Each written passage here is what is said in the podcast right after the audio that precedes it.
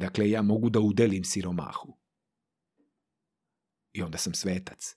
Ali ako pitam zašto postoje siromašni, e onda mi lepe etiketu komuniste. Ti u, u Srbiji danas ne možeš ništa alternativno da ponudiš jer će odmah neko ti nalepi neku etiketu da za neko gradiš. U demokratiji ti e, kroz izbor e, ne donosiš nikakvu odluku. Ti samo biraš nekog ko će doneti odluku u tvoje ime. Sve naše slobode su u stvari slobode da možemo da skočimo iz, iz jednog kaveza u drugi. A najveći izazov je da budeš uspešan u uspešnom okruženju. Da budeš bogat u bogatom društvu, a ne da budeš bogata da je kod tebe sve sama sirotinja. A naročito u zemlji e, Srbiji. Srbija je bogata zemlja siromašnih ljudi. E, znaš koliko puta sam se promenio? I to nije zaustavilo rat u Siriji.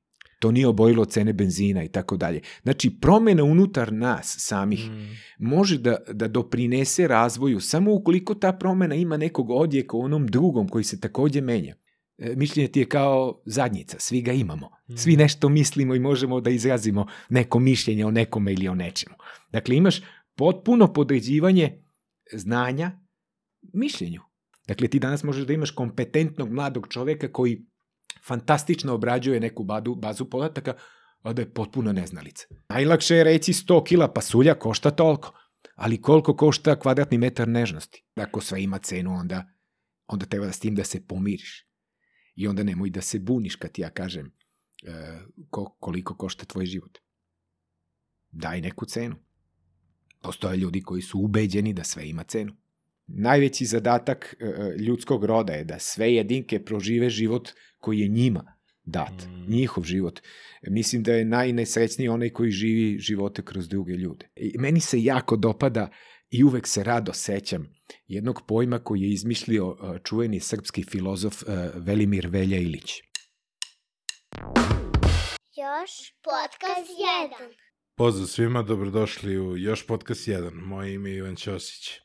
Na početku želim da vam se zahvalim što nas gledate, što nas slušate, ostavite nam neki share, like, subscribe, ostavite nam neki komentar o onome o čemu smo razgovarali u ovom podcastu. Hvala našim sponsorima, to je Beans Kafa uz koju razgovaram sa svojim gostima. Uh, ukoliko želite da imate espresso u svojoj kancelariji ili u svom domu, kontaktirajte Beans, linkovi su u opisu podcasta. Naš drugi sponsor je MVP Workshop, oni kreiraju budućnost na blockchain tehnologijama u Srbiji danas. Ukoliko želite da radite nešto sa njima, kontaktirajte ih ili gledajte njihov podcast. Pokrenuli su podcast, takođe linkovi su u opisu uh, ovog podcasta. Moj današnji gost je profesor dr. Dejan Mihajlović, doktor nauka iz oblasti političke filozofije. On je profesor na univerzitetu UNAMU u Meksiku, koji je jedan od najboljih univerziteta u Latinskoj Americi, čest gost domaćih e, medija, naročito digitalnih, čest gost e, raznih podcasta. Laza Džamić je u drugoj epizodi ovog, ovog podcasta rekao da je naš najveći intelektualni potencijal se zapravo nalazi u našoj dijaspori i od samog početka e, ovog podcasta sam ja tražio neke sjajne goste koje bih mogao da pozovem kada su ovde u Srbiji i to se sada ovaj to se sada pogodilo da je a, profesor u Srbiji i da može da dođe na ovaj razgovor. Ja sam u njemu uživao, a verujem da ćete uživati i vi. Dobrodošao. Hvala. Bolje te našao. Pomenuo sam već u uvodu, a, Laza Džamić ovde rekao da je naš najveći intelektualni potencijal u inostranstvu i kada sam video prvi put neka tvoja gostovanja, naročito kod, kod Perića, želeo sam ono da, da porazgovaramo u nekom trenutku i drago mi je da, da si ovde.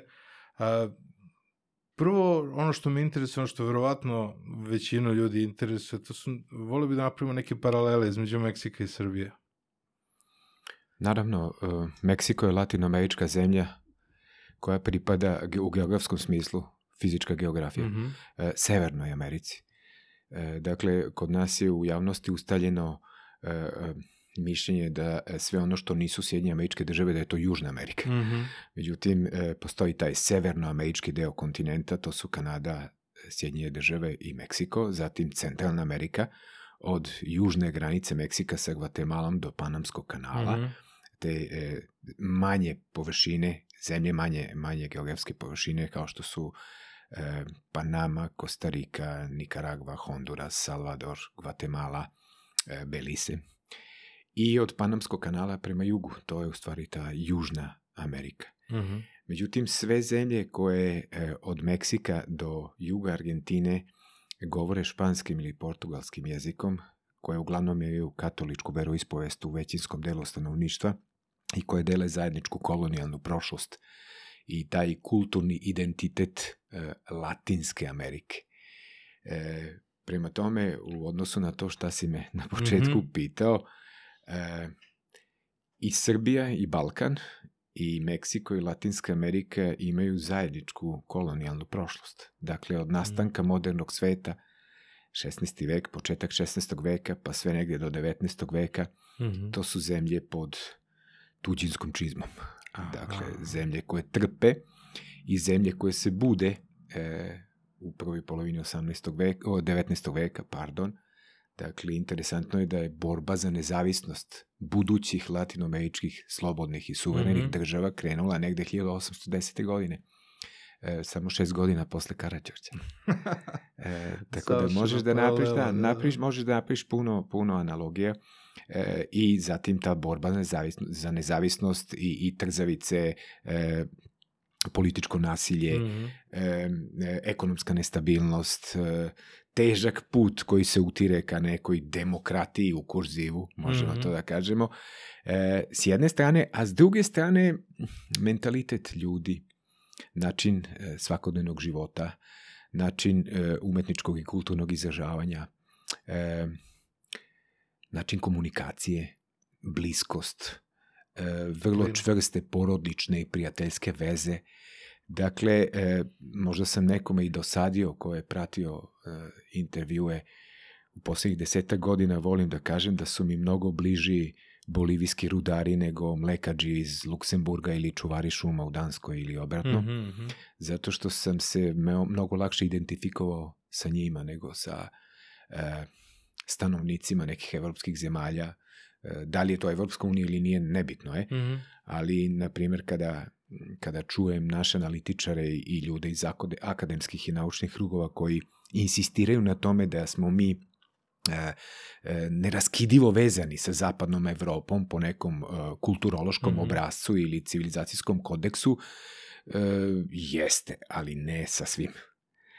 Dakle, ta, ta stara ideja da je Srbija zapad na istoku ili istok na zapadu E, što je vrlo, može da bude vrlo opasna. E, ovaj, raskrsnica. Jeste, raskrsnica puteva e, civili, sudara, civilizacija, možemo to nazvati mm. u zavisnosti od konteksta ili teme kako, kako hoćeš, ali je činjenica da je u poslednjih nekoliko decenija Srbija izgubila šansu da se pozicionira e, kao dominantna E, odrednica geografska i, i, i kulturološka, pa i ekonomska na mm -hmm. Balkanskom poluostavu u odnosu na mogućnost e, približavanja delovima sveta koji nisu isključivo vezani za e, Evropsku uniju i za Evropu. Ja sam pre nekih 15 godina, možda i više, govorio o mogućnostima da pre prodaje Nisa, na primer, mm -hmm. da se strateški približimo zemljama kao što su Iran, Venezuela, Rusija u ono vreme, mm -hmm. ja? Iz onog vremena i to je bilo vrlo negativno prihvaćeno čak i u nekim naprednijim mm. i progresivnijim e, krugovima u, u Srbiji. E, da se vratimo na ovaj mentalitetski deo, ovaj, meni je to jedan prijatelj rekao kao nas pogrešno se ustavaju u istočnu Evropu i, u, i generalno u taj neki centralno-evropski kontekst. Uh, mnogo, mnogo ljudi kao koji znaju objektivno da posmatraju ljude mentalitetski kao da smo mi mnogo, mnogo bliži uh, Italiji, Španiji, odnosno svim tim zemljama koje si ti pomenuo, dakle, je ta, taj neki južnoevropski mentalitet, upravo to, ta familijarnost, mhm. otvorenost, toplota i to sve. Pa, dobro si to primetio, to je velika istina, ali se ona često ne vidi u, u javnoj komunikaciji, u Osim medijima. kad odem u Grčku na more. Pa na- naravno, ne, u, u pravu si, apsolutno si u pravu. Vidiš, ta ideja istočne Evrope ili Mm. centralne ili jugoistočne Evrope, e, sve te odrednice koje Mhm. podrazumevaju upotrebu strane sveta kao geografskog pojma su u stvari ideološke konstrukcije. Mhm. Dakle, Srbija je istočna Evropa kada je gledaš iz Berlina. E, mada je ona južna. Aha. Mi, mi, smo juž, mi smo južna Evropa. Mi nismo istočna. Međutim, sećaš se onog Drang nach Osten, Aha. i, i, i prodor, prodor na istok. Dakle, iz te geostrateške i geopolitičke priče Da, da, da. koju je krojio Be Berlin ovaj, decenijama, ovaj, Balkansko poluostrvo je e, istok Mhm. e, i onda posle toga imaš tokom e, e, hladnog rata imaš takozvanu istočnu Evropu. Mhm. E, dakle, gvozdenu Is- zavesu. Istočno od zida. E, Jeste, istočno zida, ali kad, e, evo i ovde imaš, neću sada da odajem tvojim pratiocima, Nema veze, ovaj, dosta, naš dosta ambijent, gosti ovde se oduševilo, za one koji ne znaju, velika Da, mapa sveta da, preko da, zida kao, vidiš, kao tapeta. Pa jeste, evo vidiš na, na ovoj mapi se sa svim lepo vidi. Dakle, takozvani Varšavski pakt ili zemlje e, iza gvozdene Mhm. zavese, e, istok, e, istok u onom smislu e, da je to deo sveta koji je nazadan Mhm. e, tamni vilajet ukratko. E sad pogledaj, na primer, e, e, e, bivša Čehoslovačka, Dobro. zapadni deo Čehoslovačke i Čehoslovačka kao zemlja Varšavskog pakta je mnogo zapadnije nego e, istok Finske. Kapiram. E, e, a Finska je zapad. E, I onda na kraju imaš Australiju i, i, i Novi Zeland koji su deo zapadne civilizacijske i kulturne matrice, e, a, a oko njih je Nova Gvineja Pa da, da, i, da. i, i, i ovaj, zemlje Mislim, jugoistoka. Dakle, Bosna, Bosna je nama zapad. naravno, A mi ali, Rumuni. Jeste, ali vidiš u, u, medijima, u medijima se i dan danas e, paušalno određujemo Mm. prema, e, prema mnogim stvarima koje treba da se provere. Mhm. Pazi, epistemološki da se provere. E, e, takođe i aksiološki, znači u vrednostnom sistemu. E, šta je u stvari danas zapad? E, ja imam tu ideju da je zapad nastao na istoku. E, ne, neću sada da izlazim iz konteksta tvog pitanja, ali e, vrlo su interesantni ti koraci od, Mm. od Sokrata do Bajdena. E, Dakle, tu imaš to, od, od, od e, Grčke, stare Grčke ili arhelske Grčke, stare Grčke, helenizma, zatim e, Rima kao carstva i kao republike, a, imaš a, a, bar jedno dvanaestak koraka Mhm. e, do onog što mi danas zovemo zapad, odnosno zapad, e, zapadna civilizacija, zapadne vrednosti, Mhm. e, koje kao Srbija deli sa tim zapadom, ali nikad ti niko ne kaže konkretno šta su to te zapadne vrednosti, osim liberalnog modela demokratije, borbe za, ljudske, za ljudska prava, otvoreno tržište, e, e, deregulacija kapitala, liberalizacija na području cena, e, Mhm. privatizacija i merkantilizacija javnog prostora, dakle to neoliberalno divljaštvo Mhm. koje se e, prodaje kroz tu priču da e, svi treba ovaj, da budemo konkurentni i da svi treba da damo ono najbolje od, od, od e, samih sebe. E, interesantna je ta priča zbog toga što ja i dan danas smatram da je u stvari tako kako se koristi pojam zapada, da je on više ideološka konstrukcija e, sa mnogim anomalijama, e, mnogim nedorečenostima i da stvara konfuziju u glavama običnog čoveka, da tako kažem. E, Da, nema, pot- nema ko da postavi pitanje. Pa, Da, e, da, da dovede u pitanje neke od, e, I- od vrednosti. Da li i- su neke od tih vrednosti nametnute, da li su objektivne, da li su realne, kada se menjaju. E, Pa kad god govorimo e, o, o ideološkim konstrukcijama, one su uglavnom nametane kroz istoriju. E, I e, nekada se to nametanje e, primeti malo lakše, a nekada je prikriveno. I ti ni ne znaš da je to nametnuto. Recimo Mhm. kada ti neko kaže od svih mogućih društava jedin, jedino je moguć kapitalizam. E, I kapitalizam doživljavaš kao neki racionalni princip ljudske egzistencije koji se bazira na stvaranju novih potreba i na njihovom zadovoljavanju.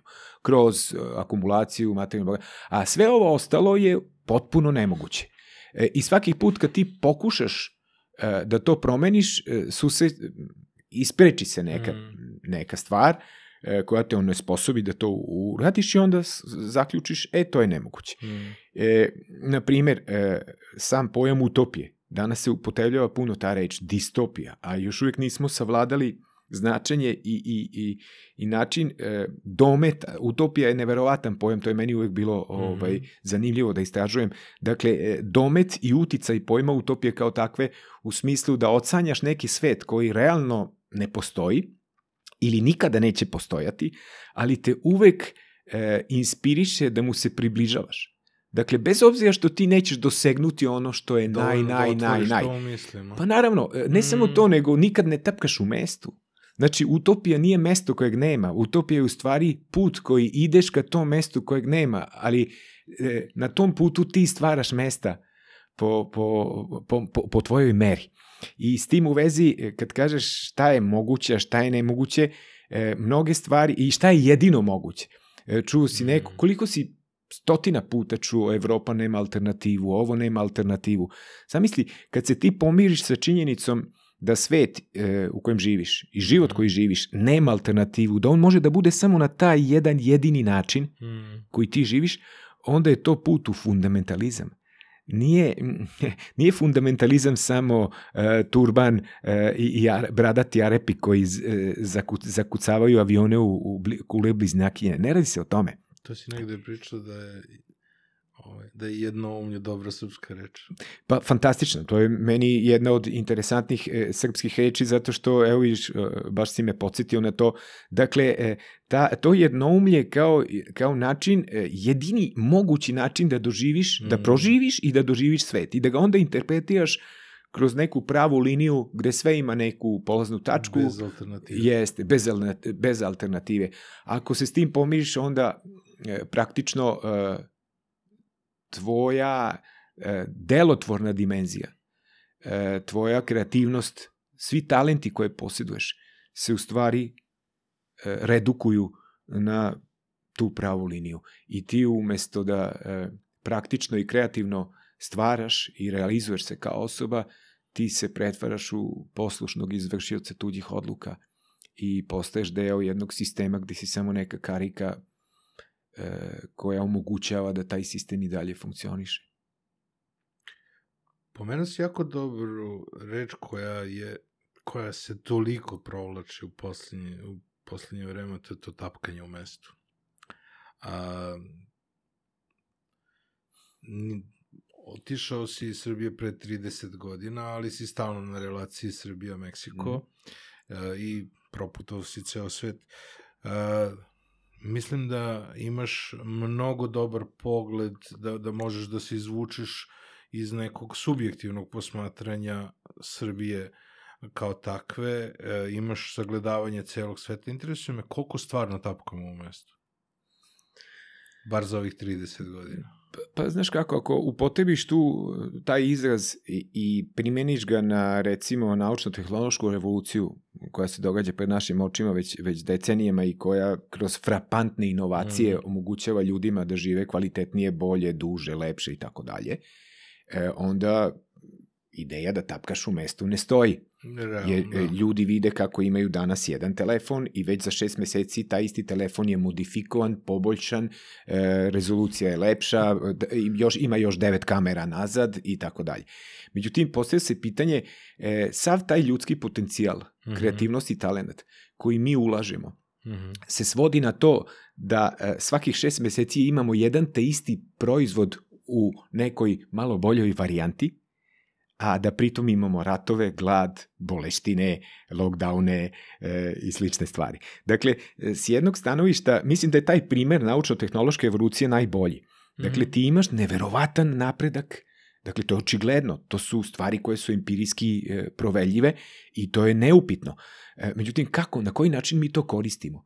I da li to u stvari usmerava čovečanstvo ka onom pravcu kojem smo mi nekada stremeli, e, stremili, pardon, od ne znam rane moderne humanizma i renesanse u Italiji, posle u Evropi, a posle u celom svetu. Dakle, uopšte ta ideja e, progresa, e, napretka na svim poljima.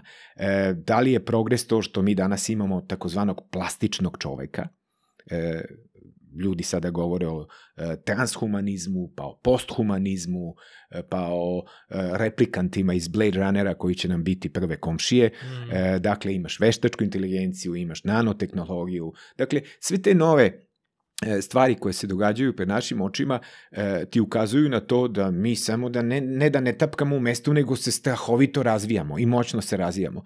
E, međutim, pitanje je kuda mi to stremimo, e, gde to vodi. E, to ti je ono kad e, imaš avion, ne znam, koji leti neverovatnom brzinom i, i odjednom e, se pogube kompasi i sad to je avion koji je super modern, jako brzo leti, a niko ne zna gde idemo. I to, to će I još koliko- tad... I još koliko ima I goriva. koliko ima, da, još koliko ima goriva. Dakle, gde, da, da li postoji Da, ideja, da, da. da li postoji ideja kra- kraja? E, Jedna od najinteresantnijih teza e, ljudi koji zastupaju tu e, potpuno nekritičku e, e, e, dimenziju e, naučnog i tehnološkog razvoja je e, pokušaj da se potpuno iskoreni neizvesnost. Dakle, da sve bude izvesno. Da, da sve ono što... Što? E, pa zato što ti to daje sigurnost. Kad nema neizvesnosti, nema rizika.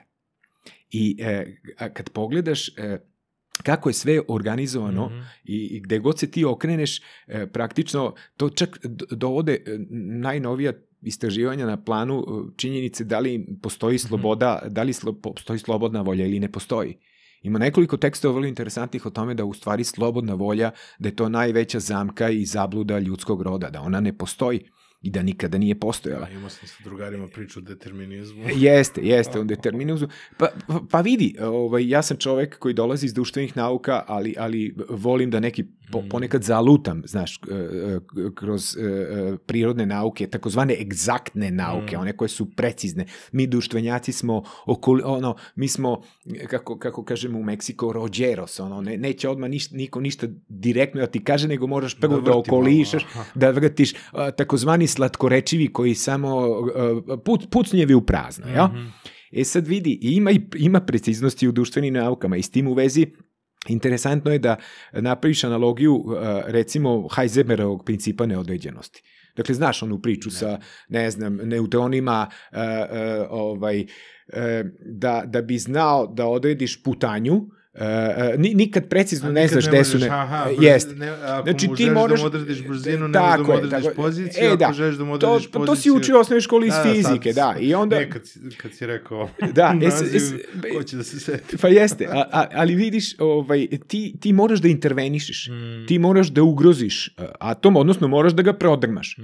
I posle toga, naravno, neutroni se pomere i ti sad samo možeš da vidiš uh, gde je bio pre bombardovanja. Mhm. A ne, e, i, na osnovu putanje. Dakle, e, šta je osnovni princip bio? Sad, sad će me e, prirodnjaci e, ovaj, pojesti e, e, s krempitom. Ovaj, e, ili znaš gde je, a ne znaš kako se kreće, ili znaš kako se kreće, a ne znaš gde je. I sad kad to prebaciš na, na nivo društvenih nauka, Mhm. uh, umesto neutrona staviš takozvanog istorijskog subjekta, samosvesnu jedinku koja je Mhm. politički obrazovana, koja zna šta hoće u svom životu, koja u sadejstvu sa drugima može da menja formalne okolnosti pod kojima živi i tako dalje, onda se postavlja pitanje da li hoćeš da menjaš svet, a da i dalje budeš pasivan, ili Mhm. da li uopšte potrebna promena sveta, svet se manj, menja sam po sebi. E, ne znam, da čitaš, čitaš te knjige za samo pomoć. Ono, kao, Mhm. poč, počni od vlastitog dvorišta, Mhm. menjaj sebe, nemoj trošiti energiju e, da se sa istomišljenicima nađeš na nekom trgu i da nekom pomogneš, e, pružiš solidarnost i tako dalje. E, ja sam protivnik toga. Znaš koliko puta sam se promenio? I to nije zaustavilo rat u Siriji. To nije obojilo cene benzina i tako dalje. Znači, promena unutar nas samih Mm. može da, da doprinese razvoju samo ukoliko ta promena ima nekog odjeka u onom drugom koji se takođe menja. Dakle, e, op, Pa opasna je... lančana reakcija, ne? Jeste, lančana je reakcija, ali ovaj, im, imaš taj koncept e, e, večne sadašnjosti. Dakle, e, ljudi, ljude samo zanima ono što je sada.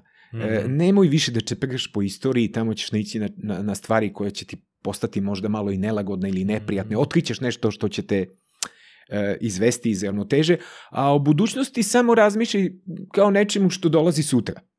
E, I sad imaš to ovde i sada, što nije loše kada si ne, u nekom budističkom kontekstu e, doživljaja sveta i vremena.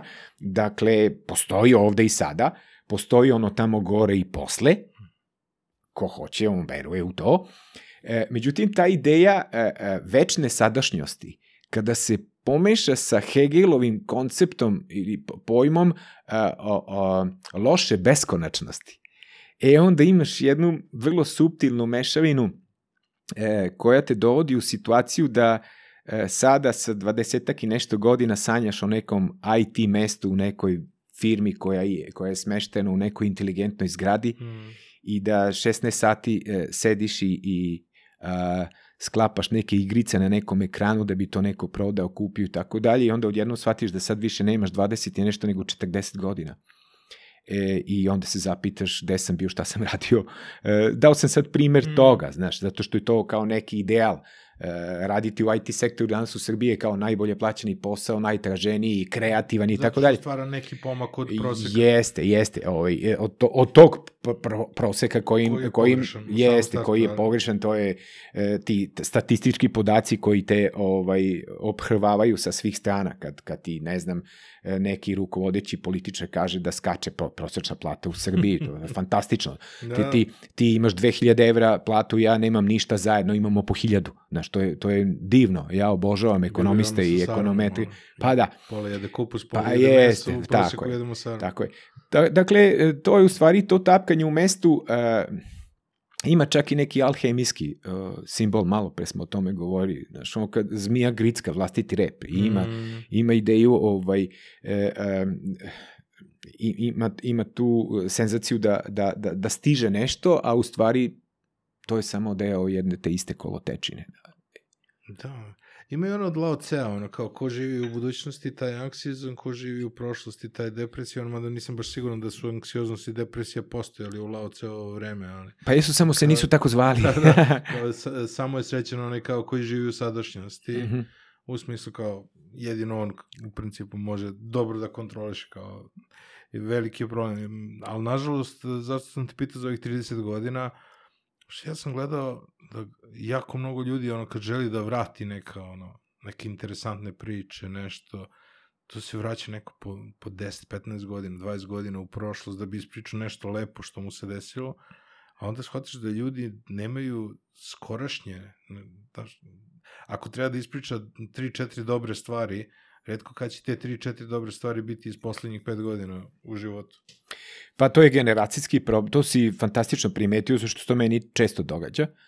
Uh, to je generacijski problem. Mislim, ne problem, nego generacijska stvar. Dakle, moja generacija, ako počneš neku priču o tome kako je bilo pre 25, 30 ili 40 godina, odmah ti lepe etiketu jugo nostalgičara zato što je to povezano sa jednom drugom zemljom iz prošlosti, sa jednim drugim vremenom, sa jednim drugim sistemom, sa drugim režimom, sa drugim načinom shvatanja e, kako se organizuju odnosi u firmi, u porodici, na ulici i tako dalje. Međutim, ja to ovaj, e, imam vrlo e, Bez da kažu najvažniju stvar, da je to povezano sa nekim ljudima koji su to želi. Naravno, naravno, sa, sa ljudima. Koji su bili komšilu. Tako je, koji tako su bili prijatelji. Tako je. Kad si bio okružen ljudima koji su, ono, koji se nisu delili. Da. E, pa, pa, znaš kako, meni na, do kraja ne, baš i nije jasan taj pojam nostalgije. E, ti ga imaš definisanog u, u mhm. užbenicima iz psihologije ili e, e, graničnim naukama dodini, koji dodiraju psihologiju ili nekoj drugoj disciplini, ali verovatno ako si gledao filmove Tarkovskog, mm. to je neverovatan uh, režiser iz sovjetskog doba koji je napravio uh, relativno malo, malo filmova, ali sva su remek dela i sva imaju uh, jedan te isti uh, predznak. Dakle, to je snimljena poezija. I jedan od tih filmova se zove Nostalgija. Dakle, jedan ruski pisac koji je e, otišao iz Rusije, iz Sovjetskog saveza, ja, i a, zatekao se u Italiji. Preporučio bi ti taj film da, da vidiš jednostavno Hoću. da li je, da li je nostalgija e, samo čežnja za nečim što si nekada e, imao i osjećao, što ti je bilo blizu, mm. što si živeo e, telom i dušom e, i onda si se od toga otuđio, pa se tome vraćaš ili je nostalgija nešto više od čežnje. Imaš u portugalskom jeziku jedan interesantan pojam koji se zove saudađe. E, saudade ili mhm. saudađe, mm -hmm. zavisi da li živiš u Portugalu ili u Brazilu ili na zelenorudskim ostravima. Portugalski je isto jezik koji ima e, e različite akcente. u zavisnosti od toga gde, gde, gde se govori. Ja? E, to je nešto što e, to je ono na engleskom kad kažeš misiju ili nedostaješ mi, mm -hmm. ali e, to je nostalgija, to je čak i neko osjećanje melanholije, neke tihe patnje, dakle e, nekoliko osjećanja koja su pomešana i koja daju taj e, saudađe. Ja mislim da, je, da, da, da nemamo u srpskom jeziku nešto što bi moglo da se približi. U stvari imamo, prevodioci će uvek nešto naći, oni su neverovatni, neverovatno sposobni, talentovani, ali to je u stvari to. E, e, ne žališ ti za prošlošću, već jednostavno kroz sećanje mm. koje je uskladišteno u tvojoj memoriji, e, vraćaš se u to, ne da bi to ponovo proživeo, već da bi jednostavno napravio neku digresiju i shvatio kako je to danas. E, to što si nekada osjećao, kako mm. se to danas osjeća ili kako se prepoznaju ta osjećanja. Mm. E, ljubav je ljubav, e, ne znam, radost je radost, e, nesreća je nesreća. To su tako neka univerzalna mm. osjećanja, sentimenti. E, ne treba menjati, ne treba mešati sentimente i, i, i emocije. Sad sam na terenu psihologije, nisam psiho, psiholog po struci, ali sasvim jasno da imaš emociju. Naravno, to dolazi ono latinsko e movere, znači nešto što se u momentu događa. To je, to, to je taj prezent. Mm -hmm. To je ta, ta sadašnjost. Znači, emocija je nešto što ti e, imaš kao, kao iskustvo i odmah te pokrene. A, međutim, osjećanje je nešto drugo. Osjećanje može da bude vezano za prošlost, a možeš mhm. čak i da osjećaš kroz predosećanje e, kada želiš da ti se nešto dogodi u budućnosti, mm -hmm. pa se onda tako i ponašaš. Ali e, ovo je doživlje nečega iz prošlosti. Jest, Kako jest. si doživeo, koje, jest. koje je tad probudilo emocije, i koje su ti sada emocije prema tome što si doživao. Naravno, naravno. I tu ide još i pojem autentičnosti, mm. znaš. Mislim, e, to što ti proživljavaš, iako je to isto osjećanje ljubavi, mržnje ili bilo čega, to je tvoje, a ovo drugo ono je moje. Ne u onom ego smislu, da, nego upravo da uh, svi mi u stvari, najveći zadatak ljudskog roda je da sve jedinke prožive život koji je njima dat, mm. njihov život. Mislim da je najnesrećniji onaj koji živi živote kroz druge ljude e, jer je to zatiranje svake autonomije. Pa to, zatiranje. to imamo sada kroz ove, kroz reality. Pa evo, ti si, kroz... ti si nas naveo, o, o, i tebe i mene si sada naveo na to da, da jednostavno e, počinješ toliko da prazniš e, vlastitu dušu i vlastito telo i da mm. upijaš stvari koje uopšte nemaju blage veze sa, sa tobom. E, zašto? Zato što ne, nemaš nikakvu kontrolu na tim. E, ne, dotičeš, ne dotičete se, da tako kažem i onda ti to predstavljaju kao nešto što je bitno, a u stvari je potpuno irrelevantno, banalno, hmm. trivialno. I to je, to je trend koji je jako, jako opasan, zato što na kraju krajeva nemaš individu kao neku autonomnu jedinku, već neko ko glumi vlastiti život. Pa, da. Asistiraš u vlastitom životu, shvataš? Pa čak ne učestvuju uopšte, znači ljudi koji se bave tuđim životima to ovo sad sa celebritijima, pa sad sa političarima, o, to da. se to, ono kao izmenjiva kategorija, oko čega, oko čega se trenutno nerviraš. Pa jeste, mislim imaš tu opciju da budeš protagonista u vlastitom životu ili da nekako sa strane gledaš, posmataš vlastiti statista. život. Da. Statista, tako da. je. Tako. Ko si u svom životu? Pa da. Glavni glumac pa da, ili da. statista, pa da. da. Ove, ovaj, Preko sto puta si preleteo Atlantik, to smo pričali. Nažalost. O, što nažalost? Pa znaš kako, dođu neke godine kada uh, treba da uđeš u avion i da provedeš u njemu 11 ili 12 sati da. sa, skupljeni, sa skupljenim nogama, a ovaj, E, i, i, I u početku je to sve bilo interesantno. Mm -hmm. e, našto zbog toga što e, kad si na aerodromima, čak i u zemljama koje nisu toliko razvijene, mm -hmm. onda imaš taj utisak da je svet u stvari jedno vrlo lepršavo mesto e, svetla, ljudi koji su koji, koji e, imaju neke torbice i negde putuju, idu, mm -hmm. dočekuju se, opraštaju se, e, e, duty free shopovi, mm -hmm. radnice, restorani, sve je osvetljeno, sve blista. E, I onda ti to postane nekako zabavno i onda e, doživljavaš e, svet kao neko jako lepo i savršeno zaokruženo mesto. Mm -hmm. Ali čim izađeš iz tog, e, sa tog aerodroma i kreneš negde, da li je to kad sletiš u Nairobi ili u Bukurešti ili u La Paz, nebitno je, e onda dolazi taj sudar sa, sa stvarnim svetom. Mm -hmm. e, i, I s tim u vezi, kad si mlađi i zbog toga i govorim to, stvarno treba čovjek da, da da se potrudi. E, Mhm. Znam da je to teško. Mislim, nezamislivo je da ti sad nekom e, mladom studentu kojim je, kojim je najveća preokupacija da položi ispit na nekom trećem semestru, e, da mu ti govoriš da nekako uštedi novac i da ode na Novi Zeland. To je, Mhm. te- teško je to, ali ako možeš nekom da preporučiš da, da još od e, mlađih, e, da, da u, u, ranom, u ranoj mladosti počne da putuje, ja bi to svakom preporučio. E, jer e, praktično e, time, time se e, braniš od te ideje da je svet, da, da su svet i život mogući na jedan jedini način. Tek kad počneš da putuješ, vidiš kako u stvari ljudi žive na različitim mestima Mm. u svetu, kako se ponašaju, kako sadejstvuju, kako se bore, kako se brane. E, taj svakodnevni život, on je prepun, prepun e, čuda. E, onda shvatiš, ne treba ti neko čudo, čudo o, sa velikim č, nego ta mala čuda, satkana od svakodnevnog života, mogu da ti naprave e, situaciju da ti jednostavno uživaš pijuckajući kafu na obroncima neke e, džungle u Šrilanki e, i da si tamo došao za iste pare koje bi potrošio u, u Budvi e, slušajući Cecu i Karleušu 10 sati dnevno na nekoj plaži.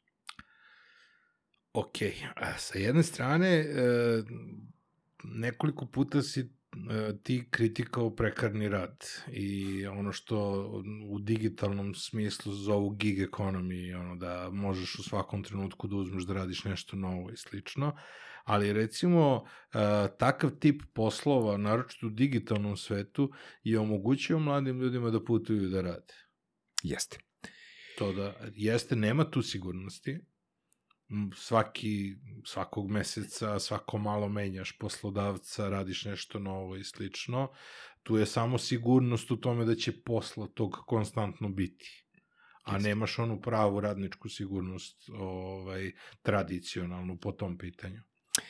E, nemoj mi zameriti, ali evo, ovo je sad, e, Ne ovo pitanje, Ne, zbog toga što ću, što ću malo biti... ja ne, ne, ne, ne, možda, ne, ne, odlično, tezu. pogodio si, pravu centar. E, kažem, nemoj mi zameriti zato što ću napraviti malo širi kontekst da bi ti O, ne, odgovorio na ovo pitanje. Što se toga tiče. E, mnogi e, teoretičari i autori koji su se nekada bavili istorijom ljudskog rada Mhm, su taj pojam potpuno zapostavili, odnosno to više nije tema. mhm. E, od kako je došao taj trend dematerializacije proizvodnje, proizvodnih odnosa, procesa, dominacija nematerijalnog rada, odnosno automatizacija rada, robotizacija rada.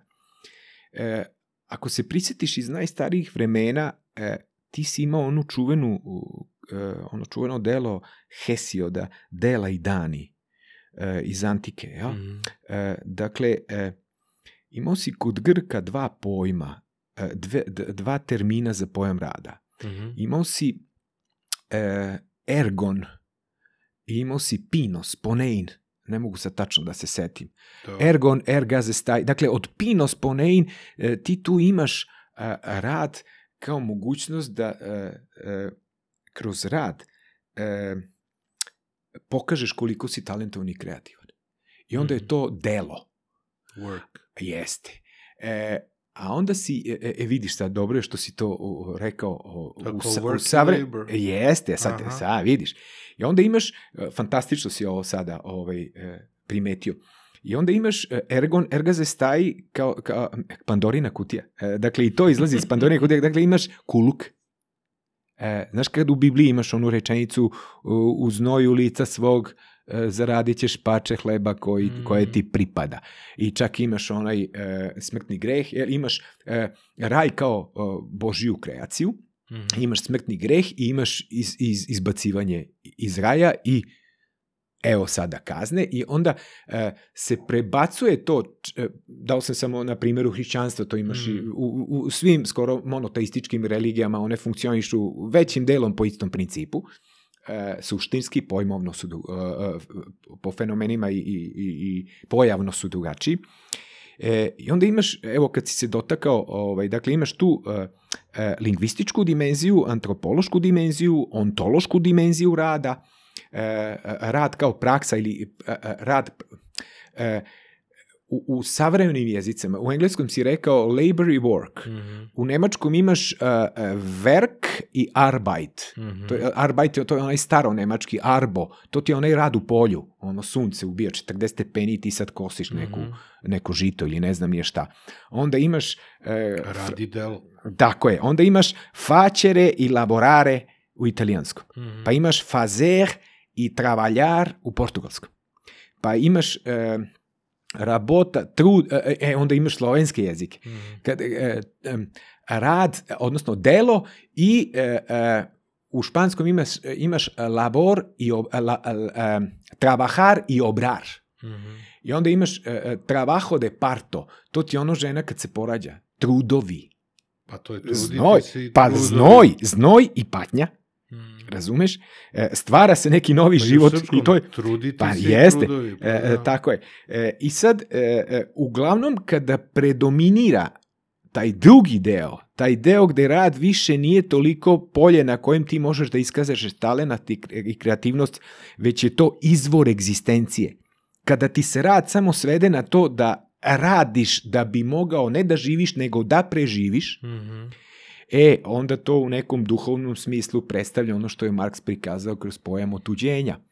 Dakle, izlaziš, izlaziš iz samog sebe, stvaraš neku vrednost koja se otuđuje, ti dobijaš neku nadoknadu i onda naravno sa tom nadoknadom kupuješ Nike patike ili kako ti kažeš, stavljaš kutiju na leđa, uzimaš polovni bicikl, raznosiš pti, e, pice i tako pokušavaš nešto e, e, da, da, da, da kompenzuješ, odnosno da odeš na to putovanje. Mhm. Dakle, sam, kad ti kažeš prekarni rad, e, ta, neko mi je, mislim, zamerio da ta prekarnost i nije baš neka stara srpska reč, međutim mi usvajamo, pa onda taj ko ti zameri da koristiš termin, Nezaštićeni rad. pa da, nezaštićeni rad, ali ako koristiš prekarni rad, pa ti onda to kažu, to baš i nije u duhu srpskog jezika, a onda ti daju like ili dislike, znaš, koji su jako u duhu srpskog jezika. Da, da, ili taj. Ali, ali dobro, nije važno. Mislim, taj nezaštićen rad. Zašto je on nezaštićen? Pa zato što nemaš nikakvu socijalnu podlogu, dakle, Mm. nemaš nikakav kolektivni ugovor, nemaš nikakvu mogućnost. Pazi, slabo plaćen, e, rizičan, visoko rizičan, slabo plaćen i privremen. E, e, ja bi jako voleo da vidim te klince koji sada raznose pice sa kutijom na biciklu posle 10 ili 15 godina. Na istom semaforu, na istoj raskrsnici.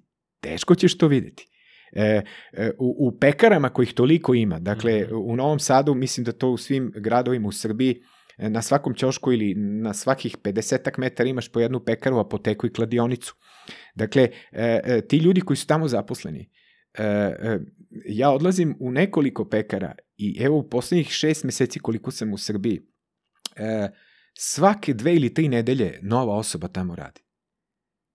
Dakle, Svako to su- mesto gde kupujem hranu stoji natpis potrebno raditi. Da, da, znači neko ko tu počne da radi, on izdrži tri nedelje, četiri nedelje, pet meseci, šest meseci, Možda napreduju u karijeri. Da, da, sad, sva, sad, pa možda, da, mo, možda, je, možda je dobio ono da, ovaj, Možda je e, dobio da, posao u Nemačkoj. da, da, moguće. Mislim, ne znam, ali je činjenica da su to slabo plaćeni, nezaštićeni i privremeni poslovi e, i ono što mene najviše zanima u svemu tome, verovatno si u nekim mojim prethodnim e, razgovorima i do toga došao. e, Dakle, e, mi živimo u svetu u kojem eksploatacija više nije između eksploatatora i eksploatisanog.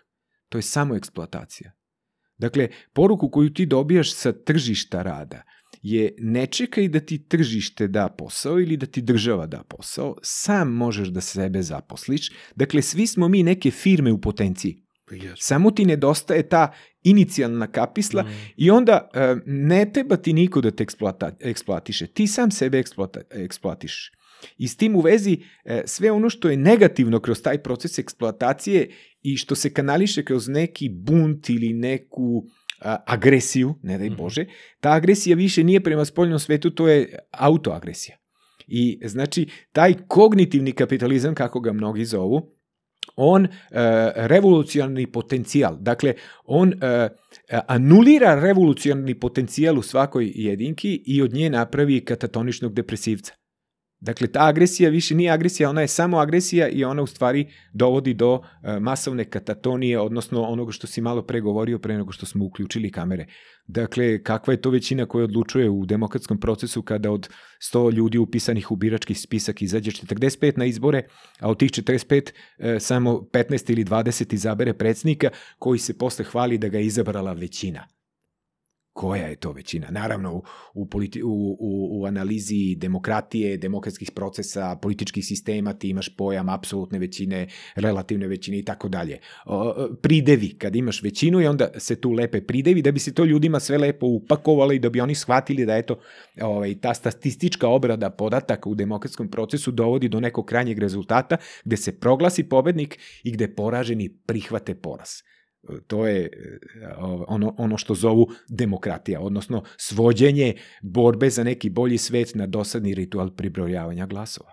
Da, sad smo prošli neverovatnu količinu tema. Pa, mislim... A, ali hoću da se vratim na ovaj privremen rad, a, zato što mi je dosta, dosta važan, jer a, imam utisak da, da taj neki redovan rad, a, uh, ok, ti gledaš to kao, da li možemo da gledamo nekog raznosača pizza sada i 10 godina na istoj poziciji, kako, kako to funkcioniše ove, u njegovom životu, ali ta privremenost rada omogućava slobodu. Omogućava slobodu da biraš e, za koji posao ćeš da trguješ svojim vremenom. E, vidi. E, svojim znanjem. E, da, daću ti jedan drugi primer iz, iz filozofije, iz teorije. E, mada je to rizično. E, kad se završio drugi svetski rat, mm -hmm. Jean-François Lyotard je napisao jedan tekst i onda je, ne, Merleau-Ponty, pardon, Maurice Merleau-Ponty, isto, francus. On je rekao, ovaj, nemojte misliti da mi sada, ta prva posleratna generacija, mm -hmm. posle završetka drugog svetskog rata, da smo mi sada pred izborom između nasilja i blagostanja. Mi smo pred izborom dve vrste nasilja. E, ne radi se o tome da ti izabereš manje nasilje ili manje zlo. E, upravo si kad kažeš e, imaš opciju da ne staviš sebi kutiju, kutiju na leđa i da ne raznosiš e, pice i da nemaš ništa. A ovako imaš opciju da imaš recimo trenutno 1200 evra mesečno i da podmiriš neke e, vlastite potrebe. S tog stanovišta e, ti e, realizuješ neki tvoj lični projekat kroz rad, koji je naravno eksploatisani rad, ali pritom omogućavaš sebi određen kvalitet ili da, da se izrazim u tim terminima, neki standard minimalan koji ti mhm. želiš e, da imaš za sebe. Međutim, kada govoriš o slobodi, e, sloboda nije samo sloboda izbora. E, izbor je opasan pojam.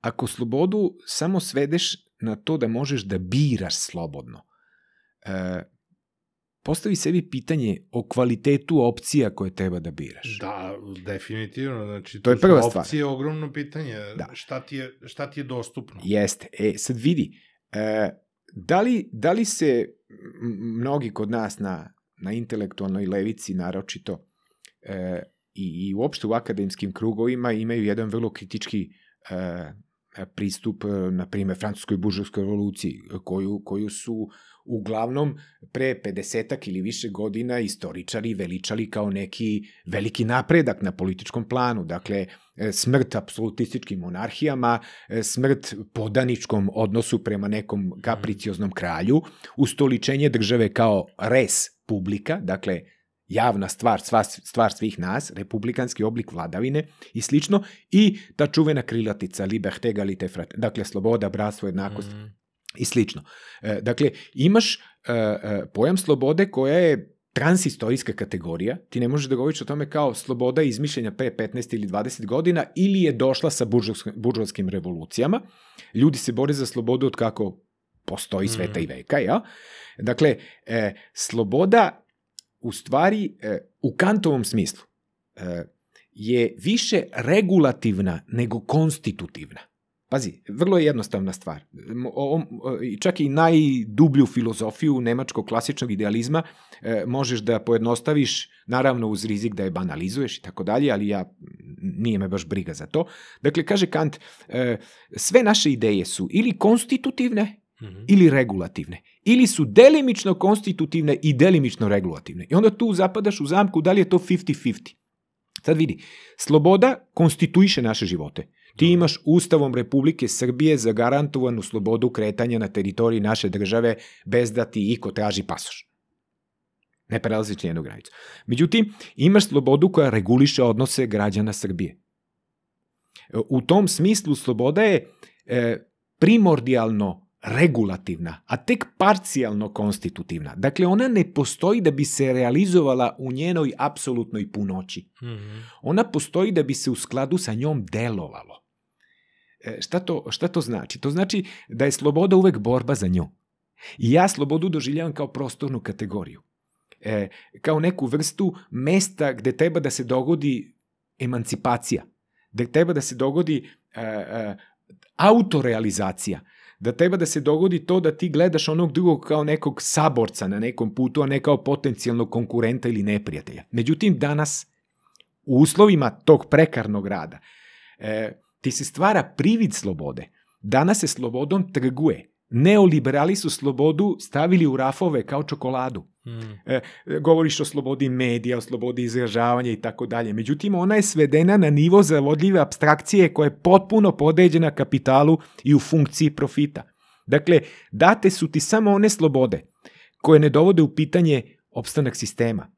Ti si slobodan da staviš kutiju zato što ćeš verovatno, ukoliko nešto još ne preduzmeš, držati tu kutiju sledećih 30 godina. Dakle, Pa slobodan si, slobodan si da radiš 30 godina za 250 evra u pekari. Svaka čast. Pa, Okej, ali, E sad, to, ali- ali- nisam to rekao. Pa nisi rekao, ali je moguće da se to dogodi. Ja znam, mislim, Jeste, e, mislim kada bi isprovocirao kada bi sam te namerno, da. Kada bi karikirali Namerno sam te da isprovocirao. Sve Ovaj, treba da re- se napravi ono ekstrapolacija Tako da je. se vidi jest. šta je I sad ti, ono. ti imaš eksplicitni doživljaj tog fenomena, ali imaš stvari koje nisu vidljive. Dakle, recimo, nasilje. Najvidljivije je fizičko nasilje.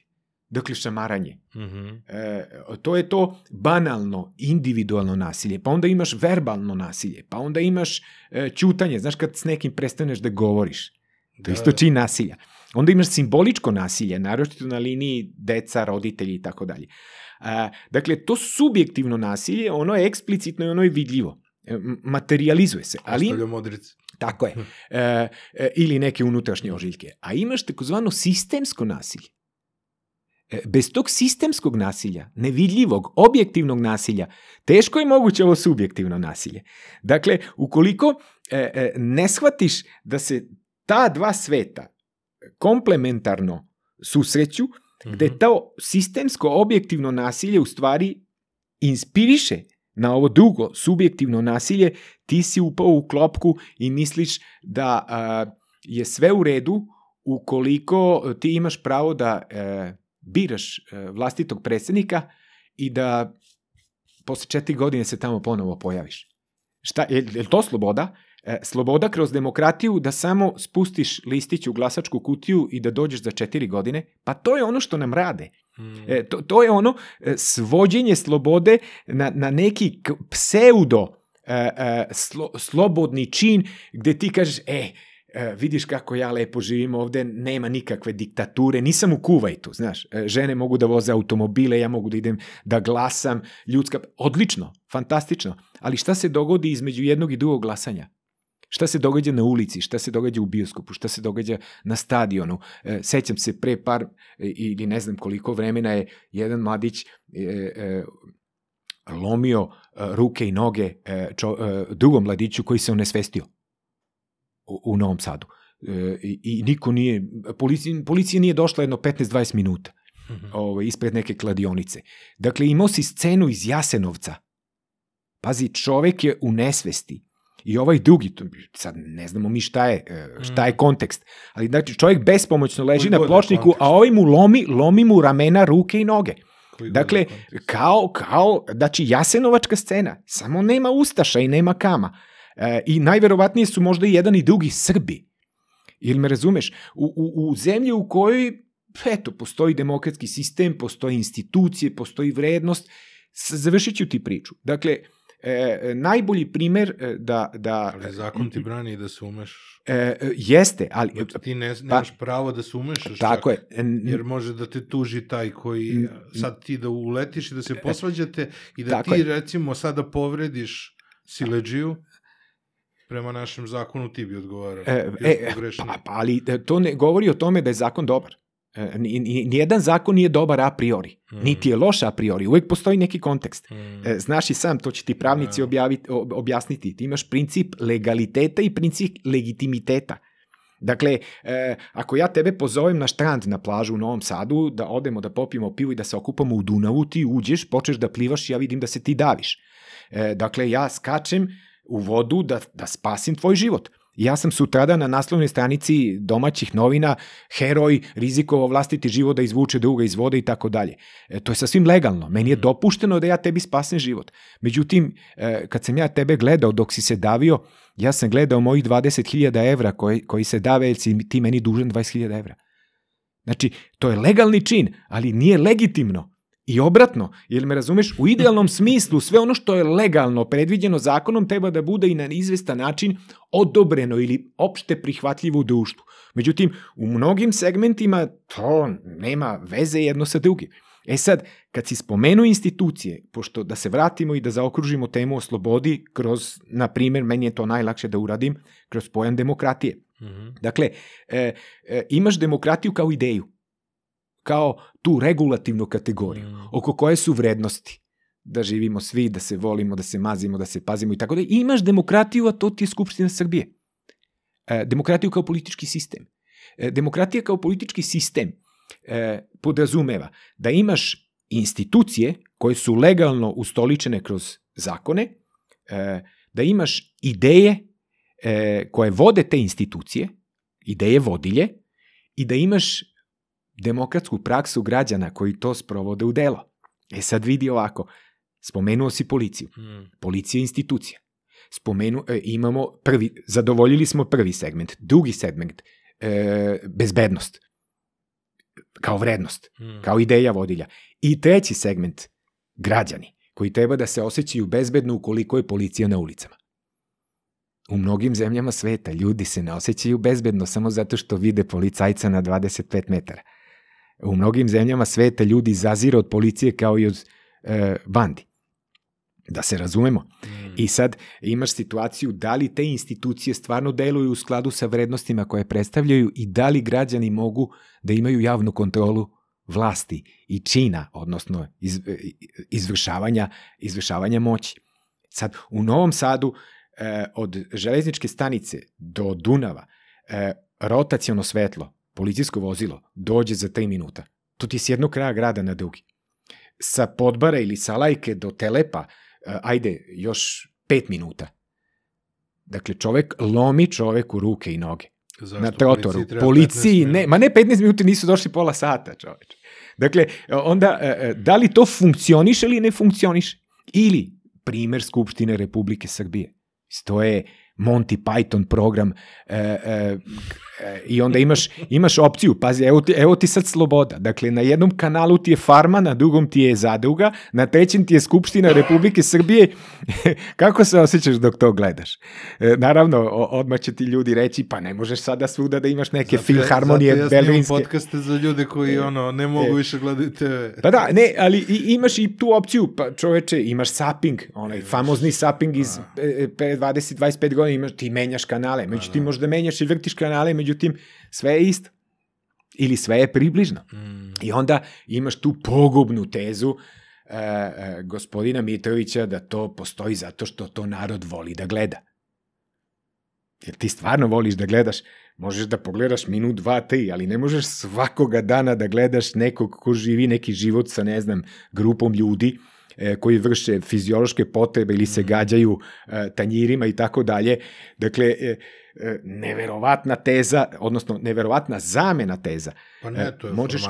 Možeš, pa naravno, možeš ti da ponudiš ljudima mnoge stvari da ljudi biraju, ali e, e, ti samo u demokratiji, ti e, kroz izbor e, ne donosiš nikakvu odluku. Ti samo biraš nekog ko će doneti odluku u tvoje ime.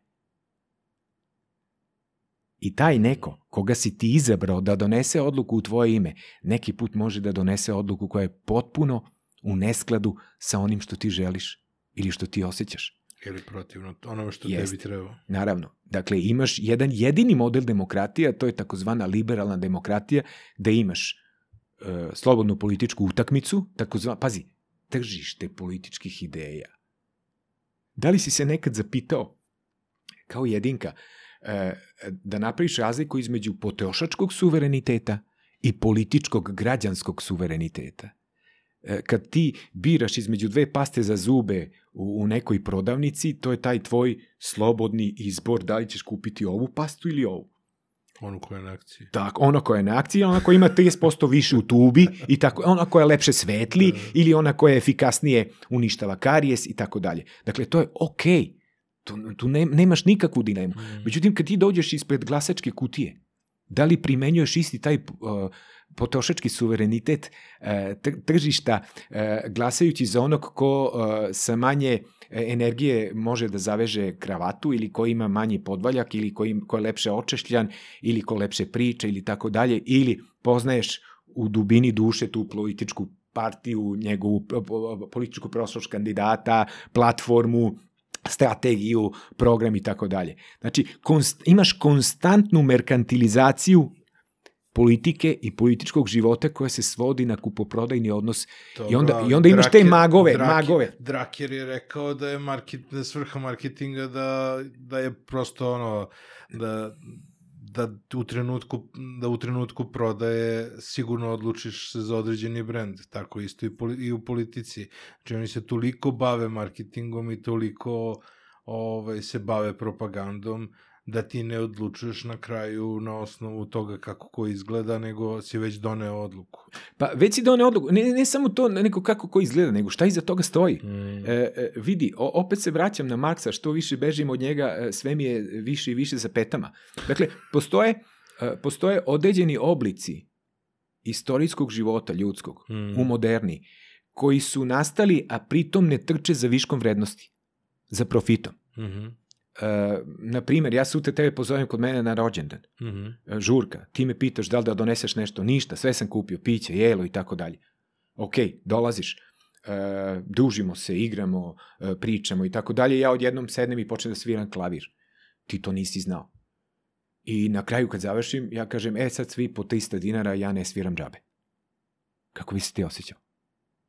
Kako bi se osjećao kad bi e, tvoj sin ili tvoja čerka e, od tebe tražili da im daš 5000 dinara da bi dobili peticu iz matematike?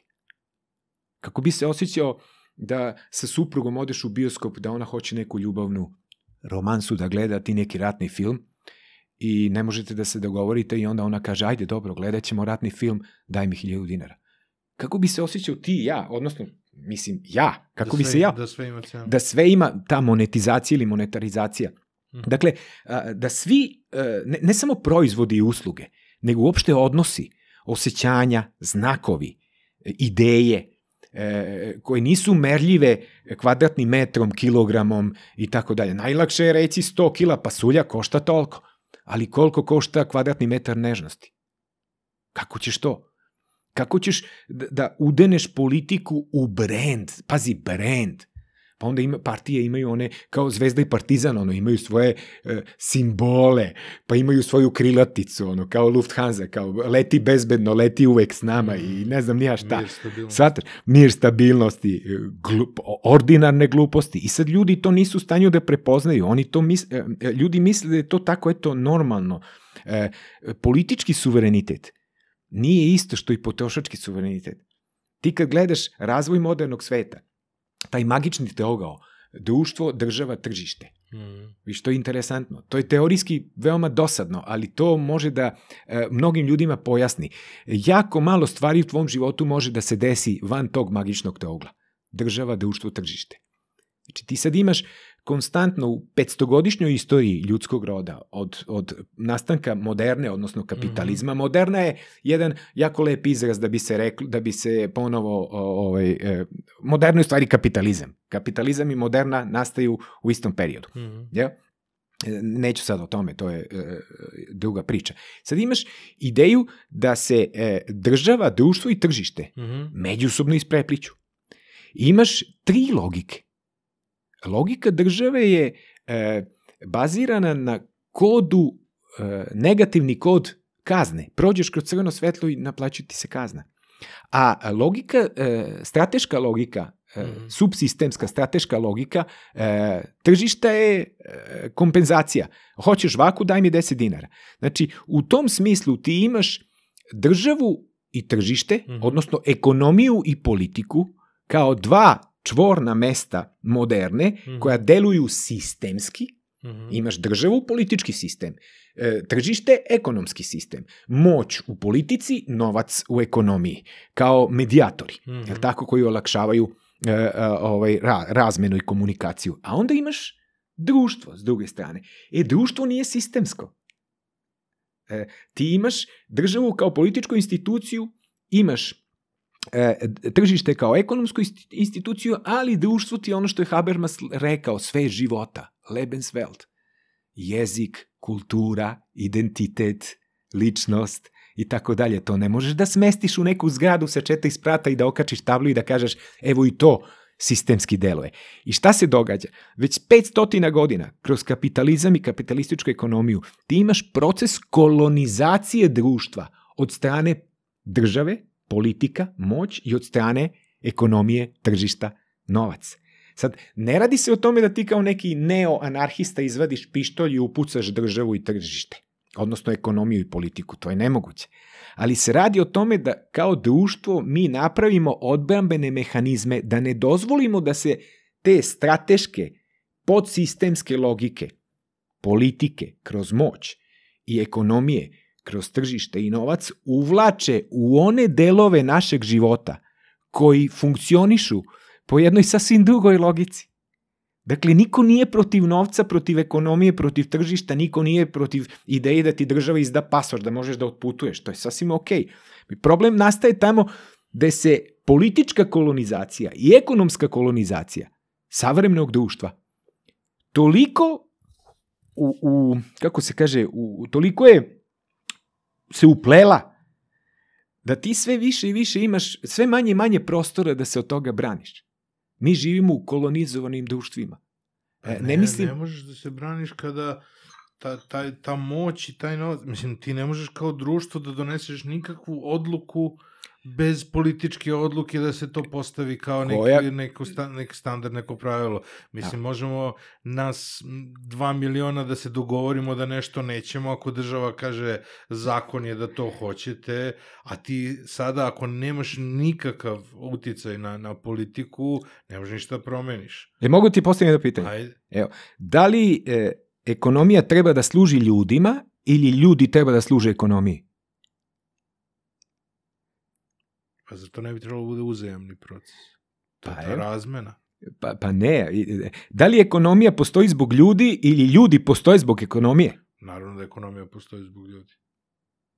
Pa znači, ti treba da napraviš takav sistem e, koji će obezbediti da ljudi slobodno proizvode prvo uslove, I da politika Za služi društvu. Pa naravno. Isto. pa naravno.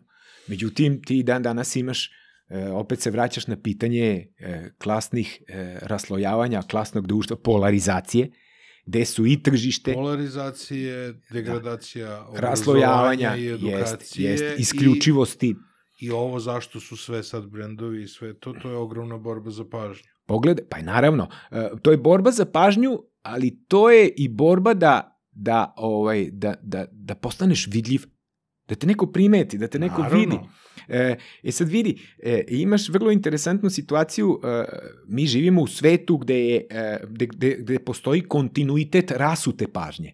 Dakle, to je borba za pažnju, ali istovremeno kroz digitalne tehnologije, digitalne uređaje, ti imaš čak i, i, i, i, i def, to vrlo strogo definisano. Znači, ako ti postaviš neki videoklip koji je duži od 3,5 minuta, Ćao. ti si osuđen da te vidi 50 ljudi koji mogu da proprate nešto što je duže od 3,5 minuta. Ili ne znam na Twitteru, ne znam da li još uvijek postoji ograničenje od koliko karaktera, koliko reči i tako Da, dalje. Twitter ima Dakle- za video 2.20 Pa- i sad je proširio duplirao broj E, karaktera, ali opet je to 280.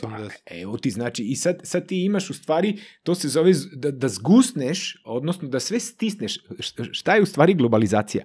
Globalizacija nije ovaj rat između globalista i suverenista i, i, i- gluposti, e, veštačke dileme i diskusije. Dakle, globalizacija je u stvari kompresija, pokušaj kompresije prostora i vremena. O tome jako malo ljudi govore i jako malo ljudi je o tome pisalo. Znači imaš jedan potpuno drugačiji način proizvodnje prostora i vremena u funkciji kompresije, sažimanja i ubrzanja. Zašto? Što? Zato što to funkcioniše e, ovaj, u, u, zato što je to u funkciji profita i, i zarade.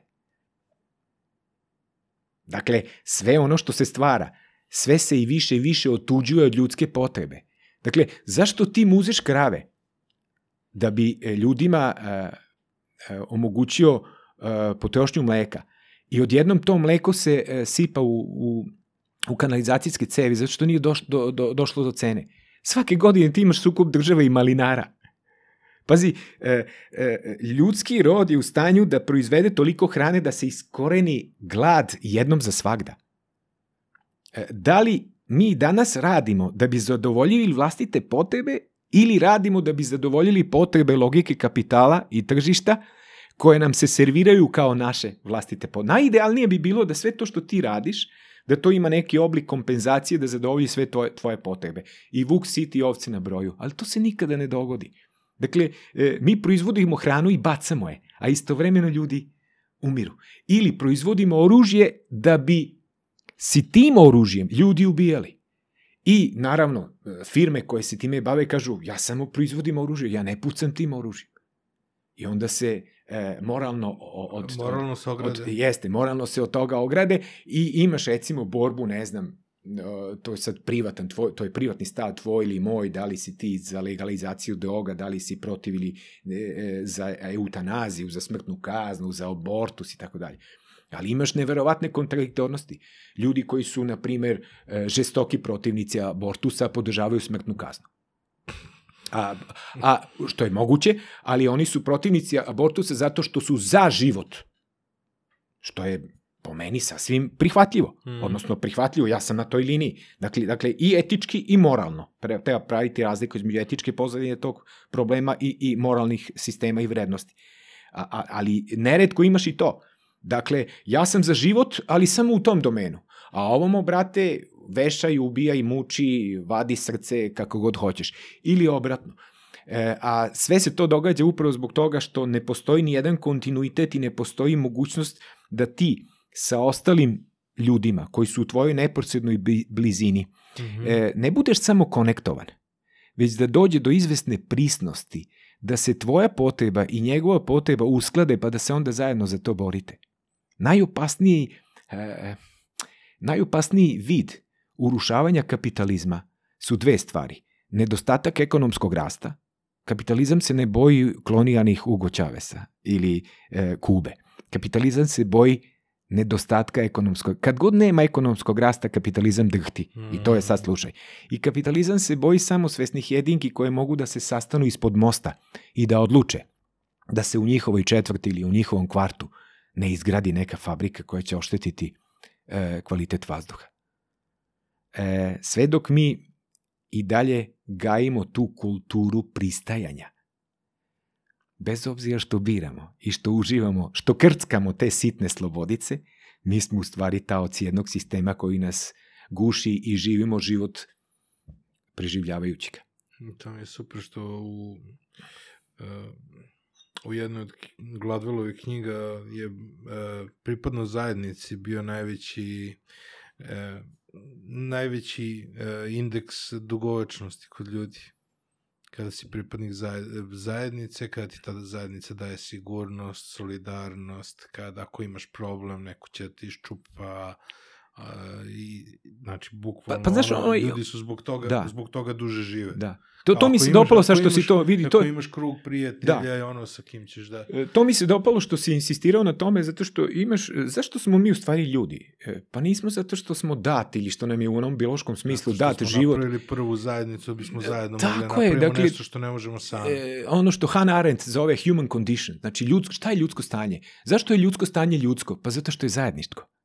I sad pogledaj, u poslednjih nekoliko decenija imaš jedan proces neverovatnog insistiranja da se e, politizuje tvoja privatnost, a da se depolitizuje javni prostor, javna dobra i ta nit zajedničkog. Jesi primetio to? Kako sve više i više nestaju zajedničke površine parkova gde mi izvodim... Još plastičnije. Evo, e, sve više i više nestaju zajedničke površine parkovi, Mhm. javni prostor, e, gde smo mi nekada izvodili pse u šetnju ili se družili i igrali basket, sve više i više na tim prostorima niču shopping centri. Je, a s druge strane imaš kroz politike identiteta, recimo jedna od čuvenih krilatica novog feminizma je da je ono što je, e, i lično je političko. Jeste, delimično može da bude, ali ne uvek. Kad se ti tuširaš u kupatilu, to nema veze sa, to nije politički čin. To je stvar tvoje privatnosti i lične higijene, razumeš? Da li si, uh, ovaj, da, da, da li ćeš, ne znam, tog dana uraditi to i to i tako dalje, to nema veze. Dakle, Ako psuješ političare pod da. tušem, Pa, pa, do, e, dobro, dobro, na, na, jeste, ovo si dobro primijetio. Super, svaka ti ovo- uzet ću ovo u obzir. Dakle, imaš interesantan proces politizacije privatnosti, gde Mhm. se od svega kao pravi neka politikerija, dobro, a, a s druge strane imaš urušavanje javnog prostora, javna dobra, mesto i tak, mesto okupljanja i tako dalje. I sad to može da bude može da bude privatizovano i da ode u, u privatne e, ruke, privatne, a može i to država koja se ne, neretko ponaša kao anonimno društvo variabilnog kapitala. A ona to nije. Mhm. Država nije firma, a država se ponaša kao firma. I zato i vi u Beogradu ovde imate Makiš, a mi smo u Novom Sadu imali E, I evo, pogledaj, pazi, to je fantastično. Evo ti primjera. Šta će ti bolji primjer? E, ne znam kad si poslednji put bio u Novom Sadu. Pre par meseci. E, vidi, e, glavni gradski trg je raskopan. Nisam. Dakle, na glavnom gradskom trgu Mhm. sve su iskupine. Pravi se podzemna garaža. Aha. Da li možeš da zamisliš na Tiananmenu ili na Crvenom trgu ili na Times Square-u da neko dolazi i da kaže, e, ljudi, ovde ćemo sada da napravimo podzemnu garažu. Pazi, to ne da nije van svake pameti, to je, bo, to je već granica bolesnog. E, da li se neko tome usprotivio? Nekoliko tih tweetova, nekoliko kupljanja gde dolaze simpatični entuzijasti, njih 50-ak, i kažu nemojte to da nam radite i tako dalje. Do, dobro, dao sam loš primer, Novi Sad nije Moskva i Peking, ali evo ti, Nant, Briž. E, Da li bi neko u tom surovom kapitalizmu gde je sve profit, Mhm. dozvolio potkopavanje Dakle, imaš e, e, e, katedralu, imaš Tanudžićevu palatu i tako dalje. Tu neko pravi garažu. Zamisli sada, možda će 2500. godine e, sve se ušiti. I Srpsko narodno pozorište, i katedralu, i Tanudžićevu palatu, zato što će to biti normalno da će tu sletati neki e, helikopteri iz onog, iz onog doba gde će moćnici morati baš tu da slete. Užas, neverovatno. Dakle, Dobro, imaš... Garaže su sada trenutno glavni biznis. Da, pa e, pa o tome hoću ti, da- dakle o tome ti govorim. Država e, e, jako dobro zna, odnosno Nema funkcioneri, potrošnje resursa. establishment, resurs. tako je. Znači, ubiranje poreza i, i, i, i nameta, e, garaže i tako dalje, ljudi će dalje voziti automobile, potreba za fizičkim prostorom da ti taj automobil baš parkiraš. Pazi, e, postoje ljudi koji voze automobili koji su svesni šta to predstavlja, postoje oni koji bi u, u auto išli, autom išli u vlastiti WC, da mogu. Pazi, u Novom Sadu je po nekom mom mišljenju vožnja automobila mazohistički čin. E, Novi Sad koji se biciklom pređe za 10 minuta s jedne do druge, mislim peške ideš 7-8 minuta i tako dalje. Ljudi voze automobile, ono, džipove, ne znam, e, e, e, automobile koji, e, e, koji koštaju po 50-60 hiljada evra u Novom Sadu. I sad vidi, e, e, najverovatnije, e, ta, to takozvano slabljenje države i, i, i te e, podsistemske strateške logike koja se bazira na negativnom kodeksu e, sankcije, e, će, će se e, slikovito prikazivati na sledeći način. Danas ako ti hoćeš da izvadiš, e, da, da ideš u mati, kod matičara za izvodi s knjige rođenih, Mm. ili ne znam, umglica, ili ne znam, ono, ti i dalje moraš da odeš na peti sprat, da kucaš na, na vrata broj 20 i tako dalje. Verovatno za 10 godina ćeš imati bankomat, ne, nije bankomat, nego isto kao bankomat gde ti samo pritisneš neke pod i to ti ispadne. Ne, neće postojati, nema, ta usluga će biti potpuno digitalizovana. A već sad je Jeste. 75%. A to znači da će biti sve manje i manje e, ovaj, e, ljudi u birokratskom aparatu e, države i da će sve više i više postojati mogu, e, e, e, potreba da država sebi obezbeđuje određene prihode e, da, bi, da bi opstala u tom materijalnom smislu, jer nikad ne znaš e, ti prljavi poslovi ispod žita u kojoj meri će moći da se, e, da se sprovode u, jer postoji tu sad ideja te takozvane mega države ili supranacionalne države, E, i, I s tim u vezi je sasvim jasno da ljudi, da, dakle, aktuelne vlasti u Novom Sadu kopaju glavni gradski trg da bi tamo napravili garažu. U gradu koji ima 350.000 stanovnika i gde, i gde jednostavno e, tendencija je recimo bilo u Londonu 5-20 godina da ako hoćeš da uđeš u centar, možeš da platiš. A ovde ljudi, ovde će ljudi dolaziti besplatno na misu na, na, na 5 metara od oltara ili ne znam gde, e, parkirajući se i naravno plaćajući e, parking mesto da bi ta buduća gradska vlast imala jedan siguran izvor e, prihoda. Dakle, arhitektura od Medičija iz Firence se danas pretvorila u e, razbojničku arhitekturu koja sakati e, prostor i sakati ideju javnog prostora i javnog dobra kao takvog. Mm. To se konstantno urušava na uštrb interesa države koja se svodi na nekoliko pojedinaca. To je ono o čemu ti govori. I to me plaši. Ne, plaši me to kao čin, a još više me, više me plaši da je to normalno. Dakle, ti kro, onda kroz medije i kroz e, e, javni nastup institucija e, to ljudima predstavljaš kao nešto što je potrebno. Pazi, taj čovjek će vjerojatno reći, ljudi, pa to je, pazi, imat ćemo mesta za 500 vozila, vi ćete moći da uđete u Zaru praktično autom. Mm. Pa zar to nije divno? Svataš? I onda, I onda će na osnovu toga država da ti kaže da bi država mogla da reguliše e, i da bi bilo da bi došli do, do te jednake e, distribucije e, blagostanja, država mora da ima prihode. Naravno, ali ne na ovaj način. Da, da, da ti jednostavno nemaš ubijaš. ni mehanizam, ni alate da se, pro, da se pobuniš protiv takvih stvari. Jer A- ti trenutno imaš situaciju takvu da e, je ogromna ogromna je kakofonija informacija. Ne možeš da, znači, čulo bi se da se skupi sada ekipa u Novom Sadu, recimo, evo sada se skupljaju tamo ovaj, isto gde brane na, na, na Fruškoj gori isto, ovaj, ti si vest u jednom trenutku i oni te puste da protestuješ, da protestuješ, pro- ti više nisi vest trećeg dana. E. gubiš podršku, gubiš podršku, znači mi smo ovde u nasilju imali proteste i proteste i proteste, mi sada kada organizujemo protest, mi dobijamo 30 policajaca koji nas potpuno obezbeđuju da nema nikakvih ekscesa sa strane, da nema ono ubačenih ljudi i ostalo, šta god želimo da blokiramo, da nema sukoba ni sa kim, odemo napravimo kao mi smo nešto kobojagi blokirali, u stvari policija blokirala za nas, de facto, završi se protest, šta si Tako je. uradio? Ništa. Znači, bukvalno se trenutno bore ignorisanja. Da. Jer ti ne možeš da prođeš sa informacijom do šire, do šire grupe ljudi, a oni, oni mogu da budu na vlasti koliko god žele i oni prosto imaju svo vreme ovoga sveta da ostanu na toj vlasti i čekat će trenutak da dosadiš kao informacija. Napravili smo pauzu da dopunimo, da dopunimo piće, Da, a gde smo da. stali? Pa stali smo kod, e, kod e, e, protesta. Mhm. e, kako, se, kako se protesti razvodne.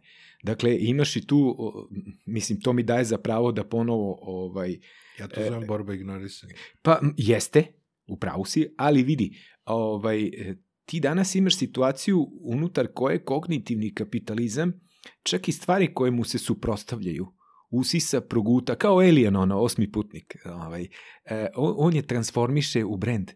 Dakle, ti imaš danas subverziju kao brend. Imaš brendiranu subverziju. Mhm. Zato je, zato je poslato tih 30 policajaca da vas zaštiti od nekog ko ne misli kao vi i da Mhm. se vama da mogućnost da vi protestujete, da se zaustavi saobraćaj na 3 sata ili da budete intervjuisani, da vam se da reč i tako dalje. I sutradan je to već neki drugi protest. Gde si bio? E, pa- Nigde. pa Šta da. si radio ništa? Pa da, ali daću ti, daću ti drugačiji primer. Evo malo Latinske Amerike u Srbiji. E, pre dosta godina u Kočabambi u Boliviji Mhm. e, Bechtel, mislim da se tako čita, ne znam, i San Francisco ova firma, mislim da oni tu nešto sad u Srbiji imaju neke, neke e, prisutni su i tu, je a, kupila a, a, Goni Losada, ondašnji predsjednik Bolivije, je prodao bolivijsku vodu toj firmi. Privatizovao vodu. Mhm. I između ostalog, e, e, firma je donela e, pravilo, odnosno zak, ozakonila, zabranu skupljanja kišnice. Kako je firma ozakonila? Pa, u skladu sa lokalnim vlastima Mhm. i sa instrukcijama države, dakle, izglasao se zakon da se zabranjuje skupljanje vode koje pada sa neba, koju Bog šalje. Zamisli. U, u, zašto? Pa u službi privatizacije profita. E sad vidi, u Kočabambu se slilo oko milion ljudi. U ono vreme je e, Kočabamba imala negde oko 600-700 hiljada ljudi, stanovnika. Milion ljudi na protestima koji su trajali sve dok e, ta borba nije uspela.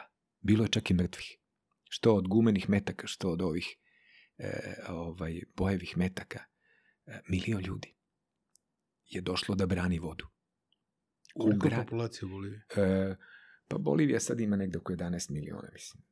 12, ne, nisam, nisam sad siguran. Da, da, to je Ne kao, mogu da. kao kod nas 5. Da, oktober, otprilike, čovječe. ne, ne mogu, sad, sad si me E, zatekao. gledam, ovaj, gledam procentualno, da, ono, da. kao ako... Ne, kažem ti, pa d- mislim veliki gradovi u Boliviji Mm. kao što su La Paz je glavni grad, pa imaš Sukre koji je takođe delimično gra, glavni grad u administrativnom smislu, e, Kočabamba, Sukre, La Paz, Potosi, e, to su to su ovaj e, najveći gradovi. E, dakle, imaš tu urbanu Mm. Boliviju i imaš Boliviju sa Anda, e, Boliviju takozvanih Indiosa, Aymara i Kečua Mhm. i slično. Dakle, to je otpor. Nije otpor vas 30. Nije otpor čak ni ovo što se dogodilo ne toliko davno, e, prošlog leta ili pretprošlog. E, na skupće, jeste, Mhm. jeste, ono pendrečenje onih klinaca koji su sedeli na klupama, Mhm. ta slika mi je ostala u sećanju i onaj čovek koji leži na putu i policajac dolazi i gazi ga i onda dolazi još jedan i tako dalje.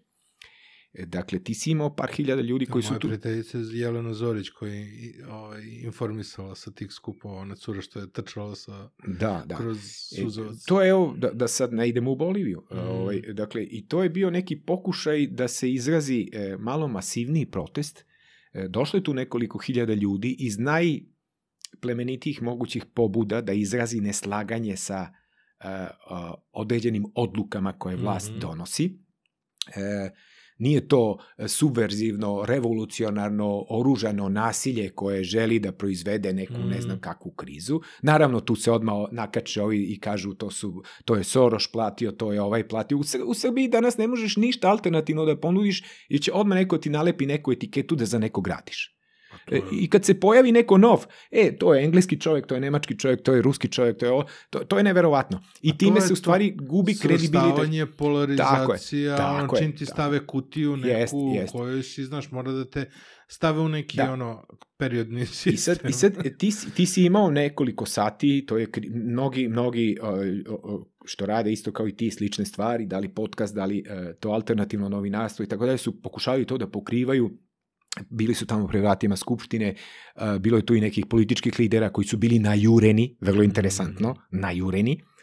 E, i, i, s tim u vezi, dakle, par hiljada ljudi je došlo u dvomilionski grad, odnosno bilo je tu i Beograđana i iz drugih gradova, E, I to je sve neutralisano po nekim procenama, ja ne znam, ne dobijam te informacije, niti ih tražim, to su informacije iz bezbednosti struktura. Dakle, da bi se taj skup, e, e, taj skup je pušten. Dakle, prvih nekoliko sati, ajde ljudi, okupljajte se, gurajte se malo, bilo je tu i e, e, branioca vlasti i ovih ovako, pa je bio neki koridor, pa ne znam ono. I onda je počelo neko, do, došlo je do neke krize, kritičnog momenta, policija reaguje, Međutim, skup nije e, ovaj, rasteran zbog e, prekoračenja nadležnosti policije kroz primenu monopola nasilja, fizičkog. To su bili e, incidenti koji su u odnosu na broj ljudi bili nisu bili toliko ovaj brojčano e, prisutni. E, skup su razbili e, nekoliko desetina ili stotina policajaca u civilu i e, e, nabildovanih e, sa Zvezdinog severa i Partizanovog juga. Mm. Dakle, u zemlji koja ima eto 7 miliona stanovnika, u glavnom gradu u kojem živi 2 miliona ljudi, u tom momentu se skupilo, ne znam, 5, 10, 15 hiljada ljudi, a u Kočabambi u Boliviji da bi povratili vodu, suverenitet nad vodom koja je izvor života, je došlo još 400.000 ljudi sa strane, a svi oni koji žive u Kočabambi su bili tamo, od najsitnije dece do, Da, do, do, do staraca. Šta hoću ti kažem? pa ne, E, to je tog, pitanje- Tog nivoa skup je 5. oktobar. Pa, Pa, Zato sam te pitao za, za, je- za, za jeste, broj stanovništva. Jeste, jeste. E sad vidi, ovaj, ne samo to, jeste, brojčanost je bitna, međutim, bitna je i politička volja. E, politička kultura i politička volja. E, protest nije samo, e, izađe na ulicu i viči u a vladi. Mislim, to možeš kad god se ne slažeš ili kad osetiš neku potrebu da iskažeš nezadovoljstvo zbog neke nepravde ili nečega što ti je učinjeno, e, ti imaš pravo na to. Međutim, ti treba pobudu, odnosno motiv Mm. poriv tvog protesta. Ti moraš da ga epistemološki obradiš, kognitivno obradiš. Dakle, ne možeš ići na protest stomakom, emocijom odavde. E, ti, ti kada doživljavaš nepravdu ili bol kao neko osjećanje, ti moraš to kognitivno da obradiš jer samo tako možeš da dođeš do stepena svesti zašto si tamo i šta želiš da postigneš time što si tamo. Jer me razumeš? Dakle, ti takozvani revolucionarni prevrati, Mm. da li nasilni, da li nenasilni, su, sve, su uvek svesni čin e, koji podrazumeva akciju e, e, pred ko, e, na osnovu koje ti, osim što nudiš promenu, nudiš odgovornost. Tebi samom i onima koji su tamo, tvojim istomišljenicima. Sad zamisli, Jeste, ali za svaki taj e, preduslov svakog takvog protesta je da tamo imaš ljude koji će da koji su spremni da se ovaj da se žrtvuju za, za, za taj cilj. e, imaš ljude koji su spremni da se žrtvuju, Kada je koji bilo, su... kad to u Boliviji, ako je bilo u pitanju voda koja im je ono, važna za život, to mi ima smisla, a ovaj, na, u, E, jako, je, jako je teško da Ali- imaš e, i veliku podršku i dovoljan broj ljudi koji su spremni da se žrtvuju za taj cilj. E, Naravno, a sad neko bi postavio sad, neko ko nas sluša ili ko će nas gledati, on će postaviti pitanje e, kako to u Boliviji stepen političke volje i političke svesti e, može da bude na višem nivou nego u zemlji Srbiji koja je evropska zemlja sa moder, mir, stabilnost, prosperitet, Mm. evropske integracije, mediji i tako dalje. E, Ne radi se samo o ekonomskom razvoju, o infrastrukturi, o e, slobodi medija i tako dalje. Radi se o tome da ti jednostavno imaš jasan stav za, za šta se ti u stvari boriš. Mm. Za nešto što nije ničije, a postaje deo nečega i ti više nemaš pristup ka tome, a to je voda. Ili, ne znam, protesti u tim nedeljicama ili, ne znam, ta ekološka priča u Srbiji koja je takođe usisana i koja je, evo, sad potpuno razvodnjena. Nama je, Jeste. nama je zemlja asfaltirana. E, nama se e, e, izgradnja e, mreža puteva i autoputeva prodaje kao neka vrsta modernizacije. Ok, ja se s tim slažem. Nije isto da odeš... E, evo sad ovim vozom kojim sam ja došao iz Novog Sada, za, za 35 minuta sam e, prešao tu deonicu koja se nekada prelazila za sat i po ili dva, u Mhm. zavisnosti od toga koliko ti treba vremena da izađeš iz Beograda ili da uđeš u Novi Sad. I to je odlično. E, Međutim, već pored toga imaš vest da je pre neki dan voz iz, Be iz Beograda stigao u bar posle 22 sata. Da. E, Sa 10 sati zakašnjenja ide 12 sati. Dakle, to je, to je posao. Pa ne, po, posao je ne da ti skratiš vreme od sati 15 minuta na pola sata, nego da skratiš vreme sa 10 sati na 4 sata ili na 5 sati, ali dobro, to je duga priča. Ali čitava ta, e, e, bilo mi je interesantno kada je e, premijerka u jednom momentu rekla e, taj ekološki ustanak u Srbiji, eto kao to je u stvari, e, to, to u stvari koristi postojećoj vlasti, zato što je sve kao ostalo u redu, pa su se sad ljudi setili ekologije. Zamisli e ekologije koja se doživljava kao neka moda koja dolazi mm. sa zapada i koja je kao, eto, mi sad toliko dobro živimo, sad nam još samo fali da očistimo reke i da sačuvamo šume. Pa, pazi, koje su to, koje, koji je to nivo neznanja, arogancije, e, e, diletantizma, šarlatanstva, e, kako god hoćeš nazovi to.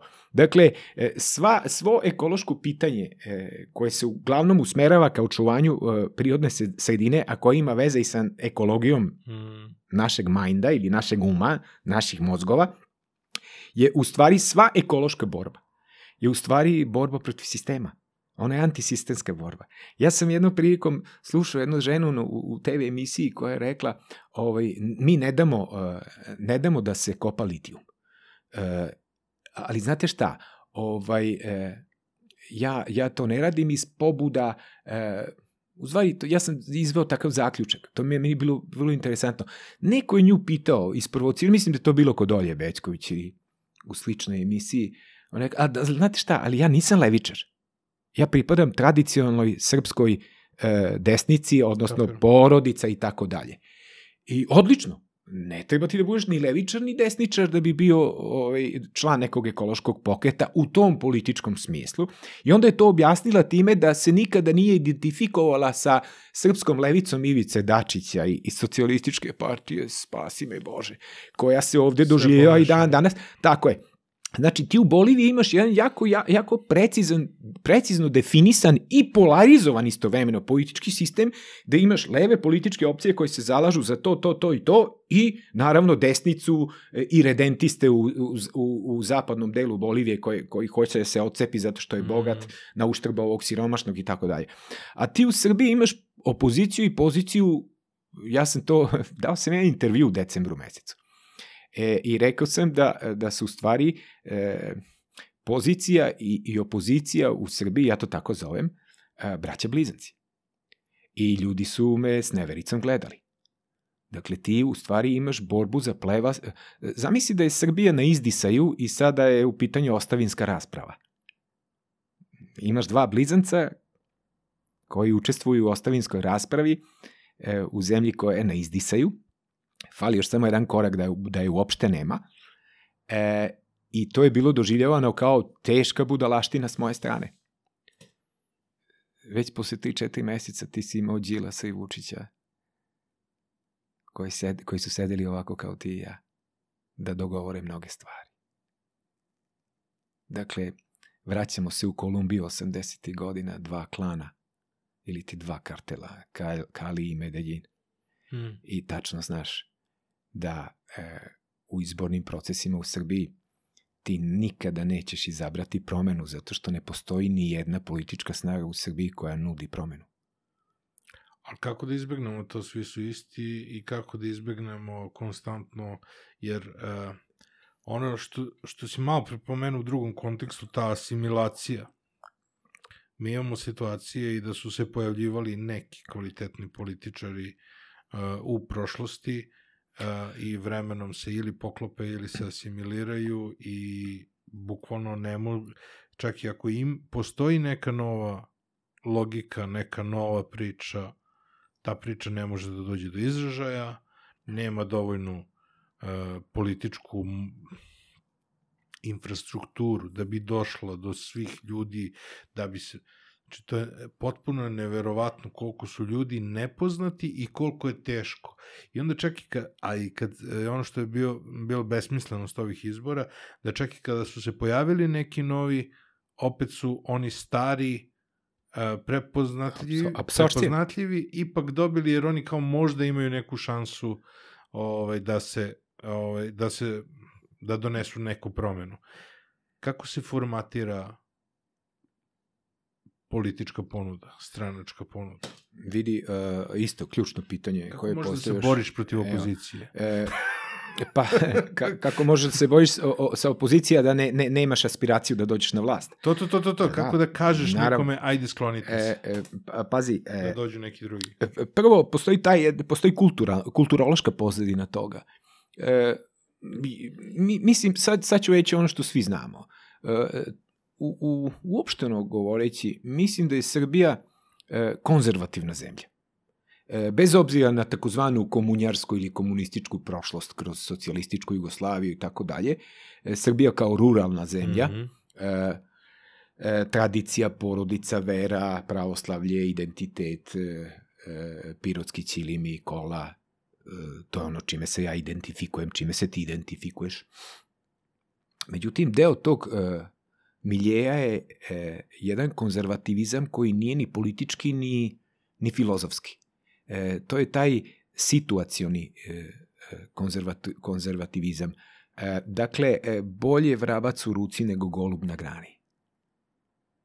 E, čak i ako ja imam mogućnost da glasam za nekog ko mi nudi promene, to meni sve nešto liči na da li će biti, da li neće biti, tako da ja i dalje glasam za o, ovaj sa kojim se ja ni ne slažem i koji radi u, u korist moje štete i tako dalje, ali njega bar imam, znaš, imam ga, tu je, tu mi je, a ovo ovde, ovi što obećavaju kule i gradovi i tako dalje, e, čuvena naša, e, kurta i murta, no, i jahanje.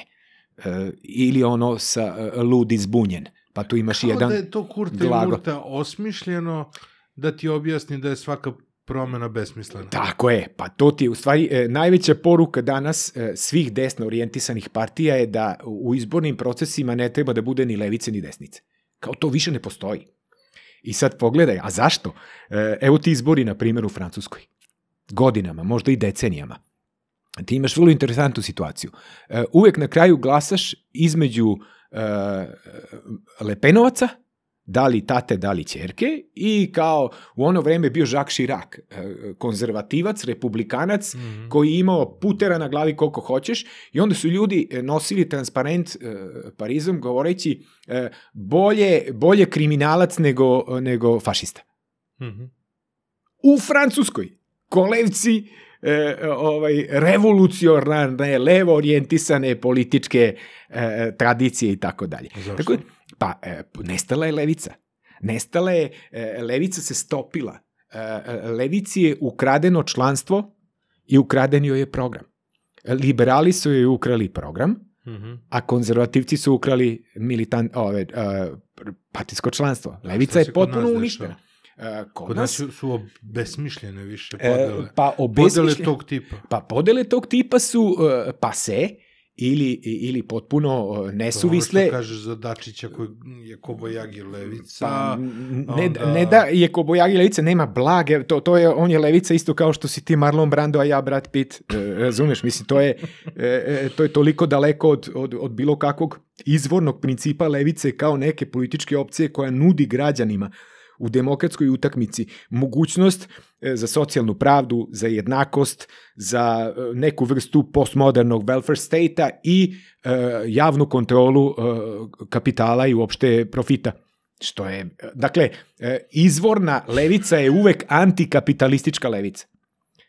I sad ti imaš knjige poput nadzornog kapitalizma, Šošane Zubov, gde ona kaže kapitalizam u ovom e, najkrnje, naj, najdrastičnijem obliku je kapitalizam koji ulazi u vaše spavaće sobe, ljudi, pobunite se, e, ovaj, ustanite i tako dalje, ali ne izlazite iz sistema. E, samo se bunite u onoj meri u, u kojoj će to doprineti da se ta vaša ugroženost ne oseti toliko. Dakle, meni se jako dopada i uvek se rado sećam jednog pojma koji je izmišljio e, čuveni srpski filozof e, Velimir Velja Ilić. Mhm. E, Velja, Poznat. Velja Ilić jeste kraduckanje. Dakle, ne satirite više ljude, nemojte da kradete. Ne radite to više toliko očigledno i u to, tolikoj meri nego kraduckajte, brate. Ne, E, i sad, nemojte biti bahati. da, i sad ti imaš ženu koja brani kopanje litijuma u gornjim nedeljicama, što je veliki čin, plemeniti čin, protiv, da. tako je, bori se protiv, a ne vidi da je to u stvari u službi jednog sistema. E, to ti je sad, e, tvoj brak je u krizi, moj brak je u krizi. Otkrio sam da me žena laže. I sad, e, prvo treba da budem načisto da li hoću i dalje da budem u toj vezi, ili ćemo da nađemo neko rešenje. I sad, e, ja e, sam pred, pred izborom. Da li da njoj predložim da me uopšte ne laže ili da me malo manje laže. Jer me razumeš? Dakle, ne možeš da, da se boriš za ekološku stvar, a da pritom ne dovodiš u pitanje kapitalizam koji je stvorio sve te probleme i da misliš da ćeš unutar kapitalizma koji to konstantno stvara zato što je to u njegovoj prirodi kroz proces akumulacije moći da se za to izboriš. Za, već, za sve, već za pet godina će neke druge gornje nedeljice morati da se suoče sa nekom firmom koja će doći da, neće doći da kopa litijum, nego ne znam, Ma dobro, imamo ih već deseto- na, na, Pa- na, pa- na pa- nekoliko mesta u Pa, Srbiji. pa me razumeš. Da- Dakle, ljudi to doživljavaju kroz propagiranje politika identiteta Mm. e, kao neku borbu koja, i koja ima legitimnu osnovu. Ja se Ja sa svim da tim slažem. Ti identiteti na ti identiteti razni koji postoje kao da su nam nametnuti da bismo se delili, Pa, da bismo se polarizovali, a ja nisam toliko razmišljao o solidarnosti dok nisam ovaj, razgovarao sa nekim prijateljima i sad još, još više ovaj, kada, kada sam ovaj, gledao eh, stvari koje si ti radio, kao da nam taj, eh, to, ta polarizacija zapravo ubija solidarnost. Pa u, u, u svedeno na onaj najogoljeniji mogući način, to je čuveni princip zavadi pa vladaj. I sad tu ne radi se samo o političkom terenu i borbi za vlast ili e, e, e, ratovi među državama, sukobi i tako dalje. Unutar društava ti konstantno možeš da razvodniš bilo kakav osjećanje, bilo kakvo osjećanje pripadništva, za, e, pripadništva zajedni, pripadanja zajednici, upravo kroz e, fabrikovanje e, e, i veštačku proizvodnju socijalnih sukoba na svim nivoima. E, e, to da se mi stalno delimo, e, to naravno nije patent kapitalizma. E, bilo je podela i pre kapitalizma. Međutim, u kapitalizmu su podele u funkciji akumulacije, ponovo u funkciji profita.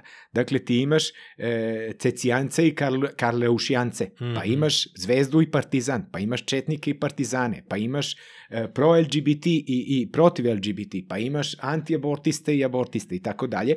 I sad, sad sa teorijama zavere još. na, teorija zavere i tako dalje. Antivakseri, Ma da, ravnozemljaši. Međutim, e, e, u, u funkciji pitanja koje mi postavljaš, dakle, e, kad imaš to e, istančano osjećanje pripadništva nekoj zajednici, e, ti si deo tog, e, tog entiteta, E, to je još Ferdinand Tenis 1871. druga kada je napravio razliku između community, ono, zajednice i društva. Sa, a, to nemačkom, Gemeinschaft, Gesellschaft, mm -hmm. Mhm. ne znam ja nemački, ali, ali te, ti pojmovi su mi ostali, ono, e, muzika nemačkog jezika mi je ostala u, još uvek u, u ušima. Dakle, imaš to, šta je zajednica, šta je društvo. Zajednice su uvek premoderne, e, veze između pripadnika zajednice su krvno srodstvo, kumstvo i tako dalje i one uvek počivaju na, na principu, e, e, e, dakle, prirodni princip osjećanja pripadništva. A društva su moderna zato što je to princip e, ovaj, tržišta i interesa. E, interes je nepobitan. Međutim, ja te sad pitam, da li bi želeo da te druga osoba doživljava isključivo kao nekog ko, ko se rukovodi interesom? Jako je važan tvoj interes, jako je važan moj interes. Svi mi imamo neke interese, ali ne želiš da te onaj drugi uvek doživljava isključivo kao osobu koja se rukovodi interesima. Mm -hmm. Postoji nešto iznad. Postoji ta ideja pripadni, pripadništva zajednice, dakle osjećanje empatije, simpatije, e, u religi, religijskom smislu imaš milosrđe, ali najvažniji pojam od svih pojmova je pojam solidarnosti. Znaš zašto? Zato što je to klasni pojam. E, zato što e, kada e, ja mogu da budem milosrdan, to me je pravoslavlje naučilo. Dakle, ja mogu da udelim siromahu. I onda sam svetac. Ali ako pitam zašto postoje siromašni, e onda mi lepe etiketu komuniste. E, razumeš o čemu govorim? Dakle, ta neraskidiva veza da mi delimo određeno stanje unutar kojeg praktično stremimo ka jednom te istom cilju, a to je da meni bude bolje, samo ukoliko će i tebi biti bolje. Zato imaš ti situaciju tajkunizovane nacionalne ekonomije, gde 50 ljudi raspolaže sa bogatstvom čitavog jednog naroda, oni se voze blindiranim helikopterima, automobilima mm. i tako dalje, ne znam ni koliko košta litar mleka, i koji su už, uspešni u okruženju koje je potpuno neuspešno. A najveći izazov je da budeš uspešan u uspešnom okruženju. Da budeš bogat u bogatom društvu, a ne da budeš bogata da je kod tebe sve sama sirotinja. A naročito u zemlji e, Srbiji. Srbija je bogata zemlja siromašnih ljudi. Da. Kako beše, Holandija je pakao za poljoprivredu i raj za poljoprivrednike, a Vojvodina je raj za, za poljoprivredu i pakao, pakao za, za poljoprivrednike. A, od, odlutali smo od, onog, od one stvari Polarizacije, koju sam klas... hteo, znači, a, a ti sve vreme govoriš iz, iz što bi se rekao, iz prednjeg rakursa, ovaj, a ja gledam sa druge strane, znači, makoliko da je plemenit cilj za koji se bori neko sa čim načelima se ne slažem, postoji velika šansa da neću da ga podržim zato što se u ostalim načelima ne slažem sa tom osobom. To se recimo dešava u Srbiji. Recimo sad, uh, ajde ovako, recimo Boško Obradović ima veoma polarizovanu publiku. Ima ljude koji ga podržavaju, dveri i sve ostalo, i ima veliki broj ljudi koji ga smatraju fašistom, da izabere najplemenitiji cilj da se bori, za koji bi se borio, oko kojih bi trebalo celo društvo da ima konsenzus. Recimo voda. Ajde uzmemo bolivijski primer. Ljudi koji se ne slažu sa njim načelno, sa onim što on inače predstavlja, kakve etikete ima i sve ostalo, u koju grupu je svrstan, ljudi koji se ne slažu sa njim neće biti solidarni prema njemu. Pa, e, e, solidarnost, e, kad izražiš solidarnost, ti onog drugog ne vidiš samo nekog kojem, te, kojem, kojem je potrebna pomoć, već se identifikuješ sa tim stvarima. Dakle, to, to je ključna razlika između milosrđa i solidarnosti. Onda smo došli do onoga što, od čega smo i krenuli, a pa- to je da upravo te polarizacije e, nam uništavaju solidarnost. Da, e, sad imaš, da, tako je. Jer znači, moraš da se identifikuješ sa onim da bi bio solidaran. E, a, a sad si, ti si došao do tog zaključka, a ja ću da ga saopštim. Mm -hmm. Ili evo, saopšti ga ti. Dakle, e, urušavanje solidarnosti je u funkciji slabljenja klasne borbe. Evo ti ja smo u gej bračnoj zajednici. Zakon je donet, možemo čak i decu da usvojimo i tako dalje. Šta ćemo ako nemamo posao? Sva naša gej prava su prihvaćena. Šta ćemo ako nemamo posao? Šta ćemo ako smo osuđeni na najveće nasilje koje ljudsko biće može da e, trpi, a to je nasilje da 30 godina radiš za 250 evra? Mm. Nema od toga većeg nasilja.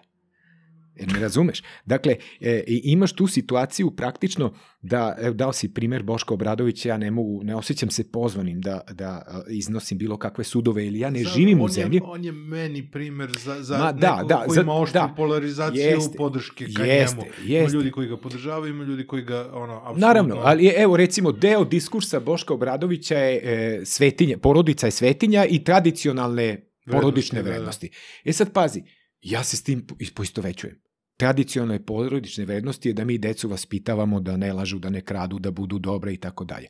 Međutim, postoje i tradicionalne porodične vrednosti koje samo desetak minuta posle intervjua koji daje Boško Bradović na televiziji mm -hmm. o tradicionalnim vrednostima srpske porodice gledaš e, Sovku ili Koštanu ili e, gde tatko treba da spava sa e, devojčicom. Premladoženje. Zašto? tradicionalna srpska vrednost. Tradicija. Kad ti kažeš tradicija, na šta... Pa, na, pa prima nokta. Pa, znači, kad ti kažeš tradicija sa velikim T, na šta bre ti misliš? Šta je to danas tradicija? A to mi nemamo konsenzus ni oko čega. Pa, pa o, o tome ti govorim, dakle, e, e, i sam Habermas je u jednom tekstu, opet ga citiram, pre dosta godina, decenija, rekao, nije problem, nije problem tradicija. E, Svi mi volimo da se identifikujemo sa nekim vrednostima koje nasleđujemo iz prošlosti, ali koje više nemaju isti intenzitet i koje mogu da postanu čak i deplasirane, pa ih onda dorađujemo. Dakle, e, e, ti ako, kao, kao Srbin po nacionalnosti, etnički Srbin koji govori srpskim jezikom, koji je pravoslavne veroispovesti, ti si poistovećuješ, e, dakle, po lo, nekom logičnom sledu sa tradicijom e, i, i izvornim vrednostima iz tvog naroda. Međutim, kako neke tradicionalne vrednosti, obredi ili rituali od pre 100 godina izgledaju tebi danas? Dakle, nije problem prihvatanje ili neprihvatanje tradicije, nego tradicionalni način da braniš tu tradiciju. Sad pazi, to nekima izgleda kao igra reči, ali to je upravo to. Dakle, postoje neke tradicionalne vrednosti koje u moralnom smislu gube svoju suštinu i koje su danas, hoćeš da ispoštuješ tradicionalnu vrednost, pa kršiš ljudsko pravo. A istovremeno, Da, da, da. a istovremeno braniš e, ljudska prava. Dakle, sučeljavanje. I na to ti, na, sad, na šta hoću da dođem? Dakle, e, kod Boška Obradovića ili kod nekog drugog političara sa javne scene, ti imaš stvari koje su apsolutno protivrečne. Dakle, imaš situaciju da se e, Boško Obradović bori za interese radnika, Mm. levica, rad, eksploatacija, a s druge strane imaš a, neku antimigratsku e, e, ovaj, priču, E, dolaze Sirici pa će sada da nas uzurpiraju i nestaće Srbije, svi ćemo postati muslimani i tako dalje. Budalaštine. I, i, to se, i, onda, I onda se gubiš. On, onda skakućeš i shvataš, e, pa ovde ima nešto, ma, neka mala primesa neofašizma, a s druge strane brine se za inter... Razumeš? I onda više ne znaš ni kako da se prema tome odrediš. A u stvari, iza svega toga se krije ba, ta banalna podela kroz politike identiteta gde svako gleda samo onaj svoj uski interes.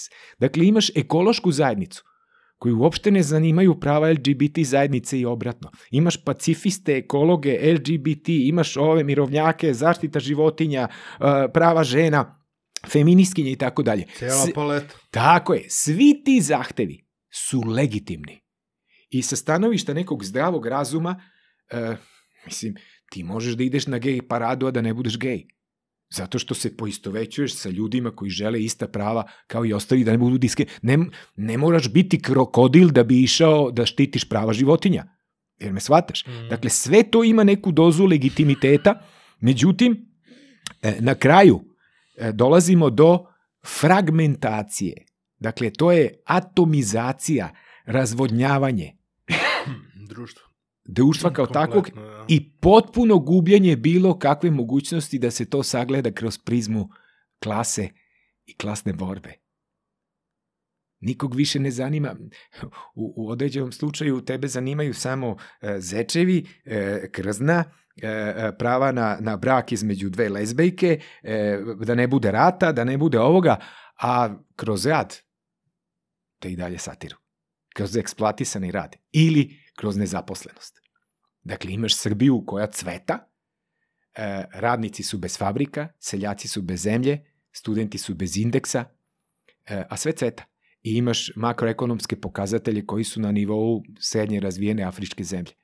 I mi tako želimo da uđemo u Evropsku uniju koja nas ne želi i koja nam stalno postavlja neke uslove. I imaš ljude u odelima na televizijama koji dan danas govore da je to neka prirodna posledica dakle, istorijska stvar, Srbija jeste evropska zemlja, ali nemojte mi ljudi govoriti o tome da smo mi e, bliski Dancima, Šveđanima, Šveđanima i Norvežanima više od e, Sirijaca. Samo zato što smo na evropskom tlu. U Siriji imaš pravoslavne hrišćane koji će se sa nama solidarisati mnogo pre nego neke protestantske zajednice e, sa Jugošvedske. Imaš, imaš u, u Vitlemu, imaš palestince koji su pravoslavni. Imaš Iran koji nije priznao Kosovo, o kojem se ovde govorilo pre desetak, 15 godina kao najvećem tutumraku u smislu ajatolaha i tako dalje. E, Iran koji, u, u, u, ja sam putovao i bio sam u Iranu, nikada nisam imao, nikada se lepše nisam osjećao sa ljudima nego u Iranu. Dakle, koji nije priznao Kosovo. Imaš Makedoniju, Severnu Makedoniju, Crnu Goru koje su među prvima priznale Kosovo. Naravno, ljudi kažu, ne, nisu to narodi te zemlje, to su njihova politička rukovodstva. Pa šta je sa narodom ako je to političko rukovodstvo donelo tu odluku? Zašto taj narod nije ustao protiv toga?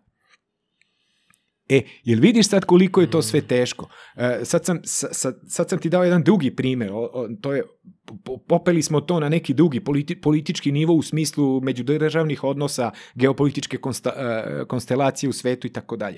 Dakle, e, politike identiteta treba da postoje, ali one ne smeju da deluju protiv onoga što zovemo borba za neki bolji svet i klasna borba da ti ne budeš više eksploatisano i unakaženo biće kroz rad koji je eksploatisan i gde su plodovi tvog rada neadekvatno nagrađeni. A to sve manje i manje ljude zanima. Imamo neverovatno zasićenje svim živim informacijama, problem sa pažnjom, problem sa svim... Uh, dok smo kod solidarnosti, ja stalno navodim primjer. Jedini primjer solidarnosti je kad su veliki, velike nepogode, kad su veliki haosi. Znači, to su jedini trenuci da kažeš da ceo narod ima konsenzus i da ne pita kome je potrebna pomoć, kako i šta. Znači, to su jedini trenuci, ono, najveće, najlep... Ne mogu kažem najlepše stvari, ali ne, upravo si. najlepše Zna. vidiš svoj narod ono, dve najlepše slike naroda sam imao kad, je, kad su bili zemljotresi u Kraljevu i poplave u Obrenovcu. Tako je. Tad smo bili najsolidarniji, tad smo bili najjači. Znaš, ono, kao, udružili smo se da pomognemo drugome bez obzira ono, imo, nemo, ako nemaš, možeš da ideš da nosiš džakove, da pojačavaš bedeme na Savi, ako imaš, možeš da nosiš robu i da doniraš, nađeš sebi, ono, način na koji možeš da pomogneš. Jeste, to si, to si lepo primetio. Ja sam u Meksiku to nekoliko puta doživao, tamo je trusno područje, pa mm. imamo se svako malo, što se kaže. Ali postavljaš sebi pitanje, zašto treba da se dogodi požar, poplava ili zemljotres, da bi iz tebe izašlo ono najplemenitije i, i ono čime u stvari treba da se odlikuje. Pa je, jeste, šta, šta je sa tim svakodnevnim životom?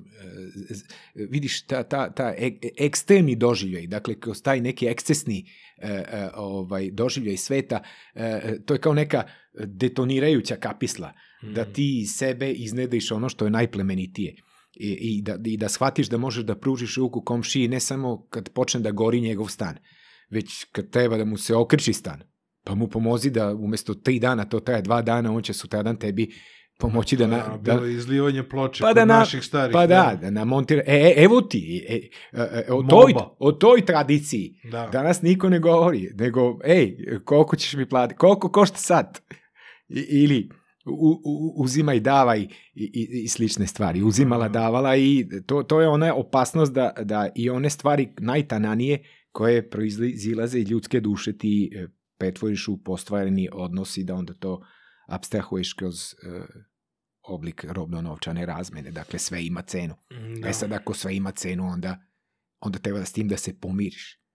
I onda nemoj da se buniš kad ja kažem uh, koliko košta tvoj život daj neku cenu. Postoje ljudi koji su ubeđeni da sve ima cenu. Da. I tako se i ponašaju. Koliko košta? E, dotakao si tu temu prezasićenosti i bombardovanja informacija, pošto si čovek iz medija. Znaš kako, ja mislim da mi olako medije nazivamo medijima. U ovim uslovima mediji više podsjećaju na neku vrstu monopola informacija ili mehanizm, to su mehanizmi društvene kontrole. E, pa tek onda mediji. Tek povremeno mediji je mediji. U mediji u smislu da ti imaš prostor unutar... Svi smo ko... mediji danas. Pa možeš da postaneš, dakle, svi smo kao neki mediji u potenciji, a, da, ali kako deluju mediji? Mediji su uglavnom monopoli informacija i mehanizmi društvene kontrole, koji tek ponekad omoguće ljudima prostor da iskažu ono što misle ili da mogu da čuju ono što drugi govore, a da pritom to bude verodostojno, istinito i da ostavi nekog traga. Nismo mi slučajno u svetu fake newsa i post istine.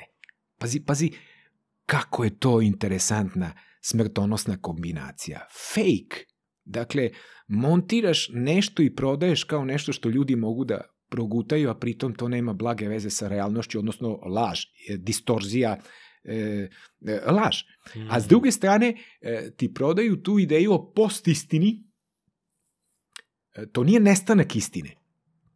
E, Treba da šta, se, dol, šta dolazi posle? pa ne, post, pa- to je ono post-post. Mm, znaš, da, e, post- pa da, bi on bio bi tako u, ne, u, u, u- beskonačnost. E, Ali pazi, ako, ako prihvatiš ideju post-istine, a kad govoriš o istini, onda možeš da govoriš i o Božjoj istini, da se razumemo, iako ja ne bi silazio u- te religijske vode sada. Ali vrlo interesantno, post-istina nije e, da, dek, da to nije proglašavanje smrti istine. Istina nestaje, ona uvek postoji. E, ali je još pogubnije. Zbog toga što e, post-istina je u stvari poruka. Da istina nije konačna. Ne, nego da istina više nije važna. Ona postaje irelevantna A, prilikom zauzimanja nekog stava, iskazivanja neke teze i slično. Dakle, imaš apsolutnu relativizaciju svih stvari. Zato imaš sve manje i manje episteme, znanje, mm, tvrdo, naučno, a sve više i više imaš doksa, opinion, mišljenje. E, mišljenje ti je kao zadnjica, svi ga imamo. Svi nešto mislimo i možemo da izrazimo neko mišljenje o nekome ili o nečemu. Dakle, imaš potpuno podređivanje znanja mišljenju, e, prosuđivanju nečega, e, estetska valorizacija ili bilo kakva druga, moralno prosuđivanje i slično. Ja ne kažem da treba da glorifikujemo znanje, ali e, znanje je sve manje, e, sve manje i manje je znanja, a sve više i više je mišljenja i takozvani, takozvanih e, kompetencija. Da, danas e, studenti ne studiraju, skupljaju bodove. mhm. A kako skupljaju bodove? Pa tako što izvršavaju zadatke koje im zadaju profesori da bi onda uspešno obavljali neku funkciju u nekoj, u nekoj firmi poslušno izvršavajući tuđe, e, tuđe odluke. Dakle, ti danas možeš da imaš kompetentnog mladog čoveka koji fantastično obrađuje neku badu, bazu podataka, a da je potpuno neznalica.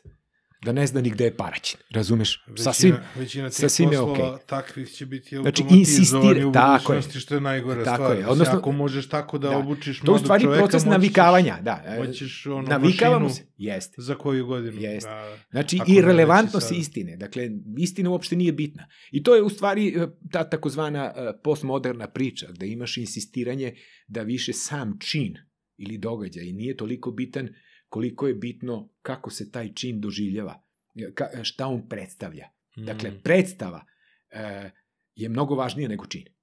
E, ti i ja znamo šta je bio drugi svetski rat. Oružani sukob više naroda od 39. do 45. godine. Dakle, to je čin, istorijski čin. Međutim, e, sasvim druga je stvar e, ko je bio na kojoj strani u tom svetskom ratu. Da li si ti bio u logora, ja bio čuvar logora i tako dalje. I onda na osnovu toga mi imamo, na osnovu te predstave o tome šta to za nas predstavlja, mi izgrađujemo neki sud, to interpretiramo i onda u skladu s tim delujemo. Dakle, imaš, s te strane imaš glorifikaciju predstave na uštrb čina. I to je dovelo do e, vrlo negativne uloge e, koju danas imaju mediji. Njih ne treba ocrniti e, paušalno, Da, a priori. Dakle, mediji su jako bitni. Kroz medije mi saznajemo šta se događa, kakav stav možemo da zauzmemo prema, tome. sliku i slično. okruženja. Jeste. Međutim, e, arapsko proleće ili bunt u Egiptu nije, nije, na, nije, nije posledica toga što su ljudi na Facebooku se dogovorili da izađu e, na, na trg. To je samo bio medij, instrument, iza toga stoji Kanal. jasan politički cilj i Ja. tako dalje. Meni je to dobro sa onom, ja, ja često pominjem piramidu znanja, ono, sa, kada su u donjem nivou podaci, u sledećem nivou kada povežeš više podataka, to ti je informacija, Tako kada je. informaciji daš kontekst, dobiješ znanje i kada više znanja povežeš sa smislom, dobiješ mudrost. Tako je. I to je ono baš kao Tako je. kako ide to sve. Samo što je fora što sada između informacije i znanja da se pogrešan kontekst i ode se u mišljenja, ode se... I Naravno. jako često se dešava da fake news i ta različita mišljenja kreću od pravih podataka. I kreću od pravih informacija i samo im se da potpuno pogrešan kontekst I već i onda si da. otišao u, u neku, neku ovaj, potpuno... I to je onda prostor za neograničenu manipulaciju. Pa i za, od mašte do manipulacije. Tako da. A, jako mnogo u poslednje vreme pričaš o a, kognitivnom kapitalizmu. Pre deset godina je negde ta moja da kažemo, generacija, jako mnogo se pričalo o kognitivnom višku, o slobodnom vremenu koji se onda koristio da se kreiraju neke stvari koje pojedinac ne može da kreira, od Wikipedije do Ušahidija, tako nekih sjajnih stvari koje su nastale o otvorenom kodu Tako na je, internetu. pozitivnih, super pozitivnih stvari. super sjajnih stvari. Međutim, opet je tu sada komercijalizacija velikog broja stvari došla u priču i sada smo posle 10 godina od kognitivnog viška i klejšarkija e, došli do e, ove e, tvoje priče sa kognitivnim kapitalizmom, sa druge strane Varoufakis priča o e, digitalnom feudalizmu, Mhm. tako da definitivno se sada nazire jedna, da kažemo, zaokruženje, zaokruživanje i definicija svega onoga što nam se dešava, gde smo i šta smo u digitalnom smislu. E, hvala ti na ovom pitanju, ono je jako važno upravo naročito za mlade ljude e, da, e, da kroz kritičku analizu i mišljenje shvate u stvari kako svet oko njih funkcioniše. Mi smo pričali onu jednostavnu rečenicu, ono kao, ako je platforma besplatna, ti si roba. E, pa da, u, u, u krajnjem slučaju to može da se redukuje na, na tezu koju iznosiš. E, Sam kognitivni kapitalizam to je pojam koji e, se koristi već e, dosta vremena. E, Imaš nekoliko autora koji e, su identifikovani kao ljudi koji promovišu ideju, odnosno pojam kognitivnog kapitalizma, kao takozvanog trećeg kapitalizma. Šta to znači? Da su prva dva merkantilni iz 16. i 17. veka, Mhm. e, unutar kojeg je osnovni zamajac procesa akumulacije bio trgovina, bila trgovina kao fenomen i posle njega taj čuveni Marksov kapitalizam iz 19. veka i delom 20. veka, takozvani industrijski kapitalizam, odnosno proizvodnja dobara za masovnu potrošnju, e, danas da su oba ta kapitalizma prevaziđeni, Mhm. u kom smislu? E, ni trgovina, ni industrija ne prestaju da deluju i da budu deo naših života. Dakle, mi dan danas trgujemo i proizvodimo lokomotive, automobile, e, taj materijalni svet koji nas okružuje i koji koristimo da bi zadovoljili naše potrebe, ne samo osnovne. Međutim, danas u kognitivnom kapitalizmu e, e, osnovni pokretač procesa akumulacije je proizvodnja e, informacije i znanja. Dakle, imaš e, e, taj fenomen dematerializacije proizvodnje i automatizacije ljudskog rada. E, dominira nematerijalni rad, Neopipljivo. jeste i jedan novi način proizvodnje vrednosti kao takve, ne samo ekonomske vrednosti. I tu se vraćam na onu tvoju ideju o tome šta nam danas rade u slobodno vreme. Šta je Mhm. danas slobodno vreme? E, nekada je eksploatacija bila samo kroz rad. Danas si ti eksploatisan čak i u slo, slobodnom vremenu. Pošto nekada je predmet eksploatacije bio živi rad. E, danas može pre, predmet eksploatacije da bude osjećanje, jel da? emocija, simbol, znak. E, tako da u tom smislu kognitivni kapitalizam je proces abstrakcije I, i najbolji način e, da se dogodi ta abstrakcija je kroz financijarizaciju ekonomije. Ta stvarna, realna ekonomija, plata, e, e, e, nadnica, e, auto, stan i tako dalje, ona postoji, međutim dominira e, finansijski kapital i finansijska tržišta Mm. e, i novac koji uglavnom, iza kojeg uglavnom nema e, realne vrednosti. Ti danas možeš da imaš novčanicu i da iza toga ne stoji ni roba, ni zlato, ni bilo kakav drugi oblik da, vrednosti. Da, to. I imaš e, gomilanje e, fiktivnog novca. E, kojim se, ko, zašto? Zato što se njime manipuliše. I imaš takozvane kriptovalute, to je posebna priča, e, koje su nus pojava e, svega toga. Uglavnom, da ti ne dužim, e, kognitivni kapitalizam je u stvari ono e, e, adekvatan, jedan novi koherentni oblik kapitalizma koji je e, adekvatan naučnoj i tehnološkoj e, revoluciji. A pritom su i nauka i tehnologija apsolutno u službi e, kapitala. A da li mogu da se razvijaju bez kapitala? Ne mogu.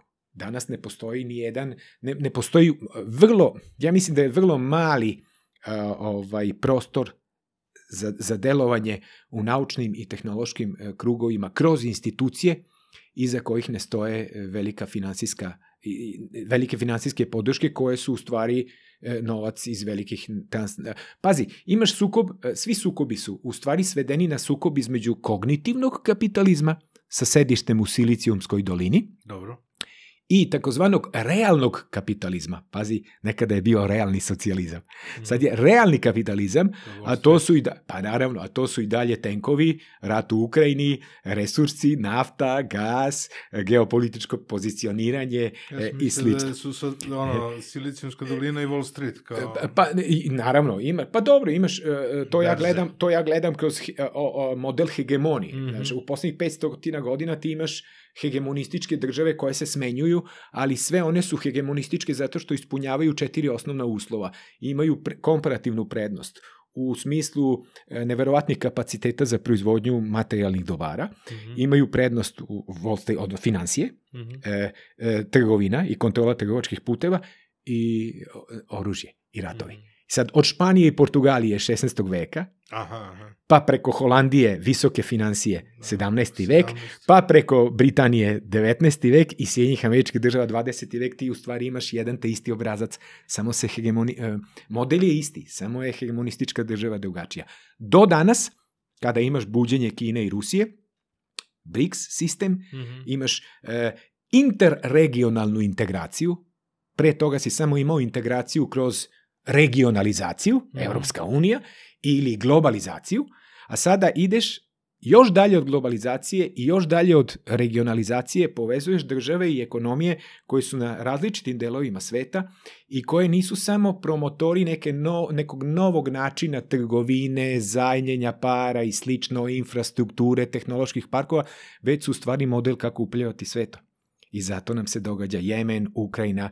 Dakle, svi sukobi i ratovi u posljednje vreme su namešteni upravo zbog toga da bi se zaustavio put, novi put svile i ta e, alternativna verzija kako upravljati svetom Ono, na čelu sa. Rusijom i Kinom. Apsolutno, ja nemam nikakve dileme. Kažite? Kako se zove ono? Belt and E, Road? Belt and Road, pojas i put. To, to, to, da, to. Belt- imaš, imaš taj kontinentalni deo, imaš Ja, ovaj i drugi po, da. pomorski deo. Da. U stvari to ti je postmodernizovani Marko Polo, da se tako izrazimo. Mhm. Znači, zato je novi put, e, novi put svile. E sad, veliko je tu pitanje, e, Kinesko-Ruski savez i uopšte sve ono što će podrazumevati BRICS koji će nestati, na sreću, ulazi Turska najverovatnije, ulazi Argentina najverovatnije, Meksiko koketira, Iran koketira, dakle to će postati akronim koji će biti jako teško da se izgovori zbog tih slova.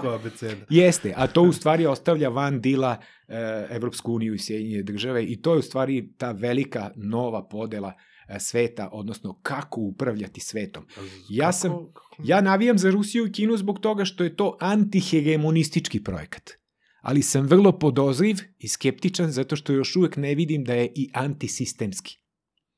Da, jer korupcija je Naravno. ono, može da se presipa. Naravno, e, dosta, dosta Da. mi je zapada, malo Mm. sam se zasitio, znaš, Da. mislim, to je e, e, iz šupljeg u prazno već 500 godina, naravno, ljudi vole zapad i ja volim da se šetam ulicama. Dobro, ali Belt, zapadni Belt and Road, ovi krajevi Belt and Roada su Evropa, mislim. Ne, ne, Naravno, ne pa vidim ja tu pogledaj, pogledaj, sve se, isključeno. s- Pa ona je isključena u smislu, tamo se sve Ona je završava. trenutno on- isključeno zato što tu- meni trenutno deluje da ovaj sav haos samo Jeste. se urušava Evropa. Kad gledaš mapu, do, svi ti kraci neku, znaš, kre, kreće iz kineskog južnog mora, završa se u Duisburgu ili u Mm. Da. Hamburgu. Znaš, međutim, e, ko stoji iza toga?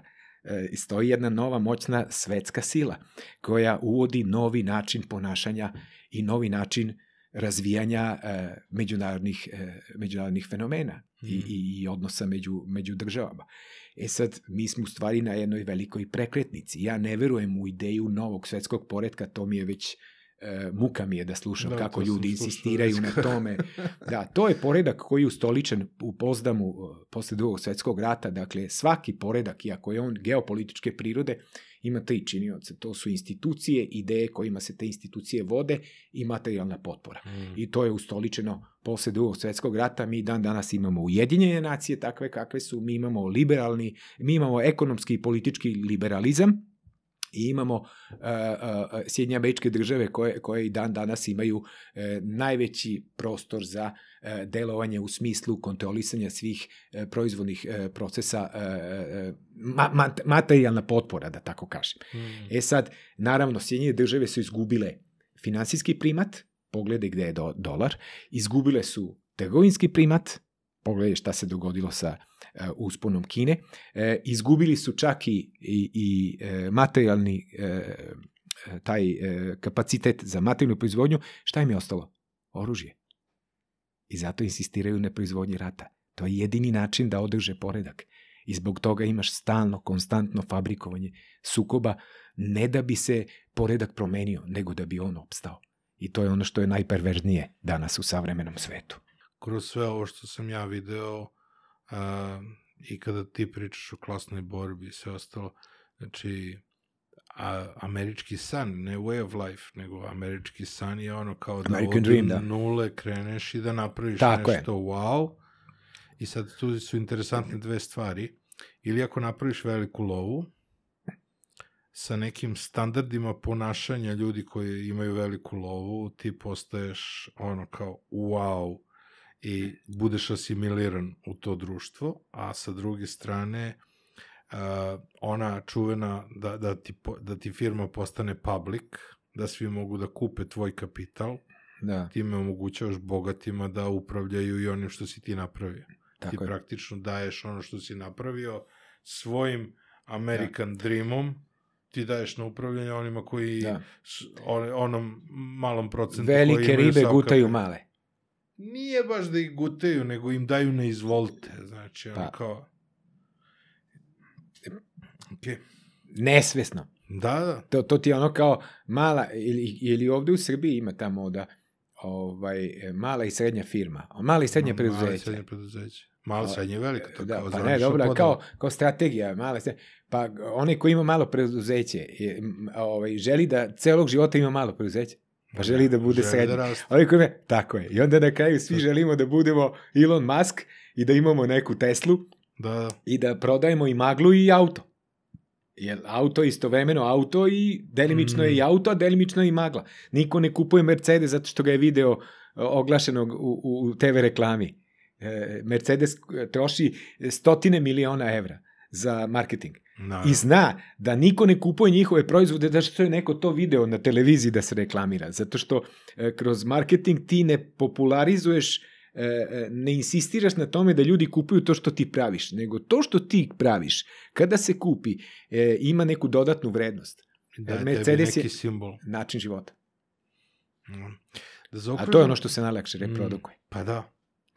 Da zaokružim ovu priču, uh, volio bih, ja sam gledao uh, još jako mnogo pratim tehnologiju, kako se razvija i sve to, i kao tehnološki smo sada jako blizu da postanemo civilizacija, ono 1.0, zaokružena civilizacija koja ima potpunu kontrolu nad svojom planetom, koja u slučaju neke nepredviđene situacije, neke velike katastrofe i slično asteroida i ostalo bi mogla da iskontroliše to sve. Međutim, iz svih ovih priča uh, koje ti pričaš i iz pro, prosto života u savremenom društvu, shvatam da kao društvo globalno nismo spremni za to. Šta je potrebno da budemo bolje društvo, bu, društvo budućnosti? Pa kad kažeš bolje, onda to podrazumeva neku, neku etičku pozadinu. Znaš, Mm. mm. pojam dobrog, e, bolje, e, onda, pošto ja imam neko filozofsko obrazovanje, onda to sve prvo tretiram kroz, kroz prizmu etike.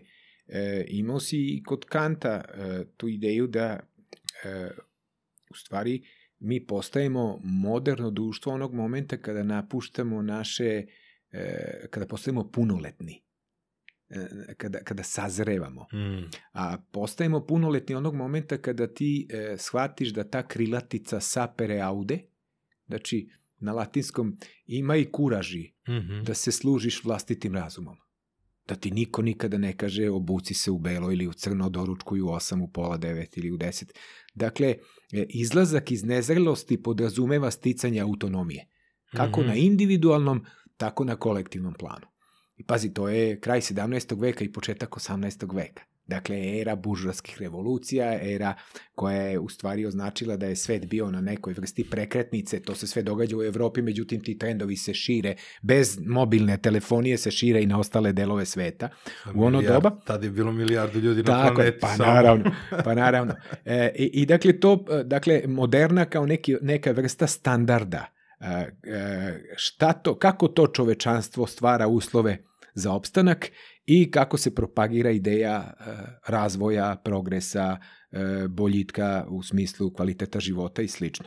A istovremeno imaš neverovatnu e, e, kako mi to kažemo credibility, e, e, imaš neverovatnu veru u obrazovanje. Dakle, sećaš se tog prosvetiteljskog Aufklärung, uh, ovaj, što kaže Kant, was ist Aufklärung, šta je prosvetiteljstvo? Šta to znači da prosvetiš? Uh, svetlo, uh, obrazovanje.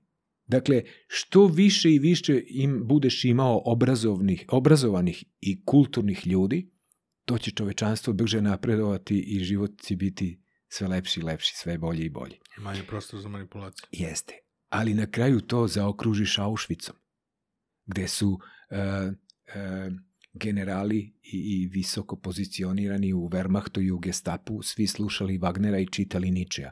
Dakle, e, bili su vrlo kult, dakle, bili su vrlo obrazovani i kulturni e, i bili su predivni očevi u slobodnom vremenu, ali su u, u vreme dok su radili, Mhm. e, milione ljudi slali u gasne komore. E, i, I na kraju e, imaš tu ideju u, u dijalektici prosvetiteljstva ili u, u, u nekom drugom delu Adorna, dakle, da a, posle Auschwitza upodeba reči kultura gubi svaki smisao. Auschwitz ne samo u tom materijalnom, uh, eksplicitnom smislu, Mhm. Auschwitz kao, kao simbol i kao neka vrsta metafore. E, On se i danas događa u nekom drugom obliku. Ja, e, dakle, e, moj odgovor na tvoje pitanje o tome da, e, da, da svet bude neko bolje mesto za život nego što jeste, sutra nego što je to danas, e, to je sasvim opravdano i ispravno. Mislim da se dobar deo svih levo orijentisanih političkih orijentacija rukovodi tom činjenicom. Da borba za neki bolji svet, da je to plemenita borba i da je to borba za nešto što je moguće. Jer kako ćeš znati da nešto nije moguće ako ne pokušaš? E, što kažu, o, postoji ta e, čuvena rečenica, čak i ako ne uspeš, e, nastavljaj i dalje. I neka sledeći neuspeh bude malo bolji i kvalitetniji od ovog prethodnog. A Dakle- to je fail first attempt in learning. Jeste, jeste, da, dakle to dolazi iz književnosti.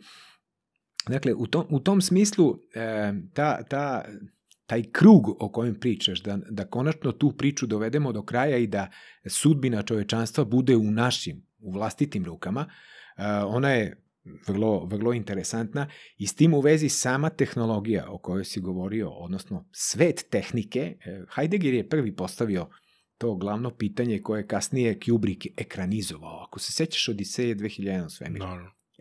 imaš jednog momenta kada kompjuter e, postaje neposlušan, Hal.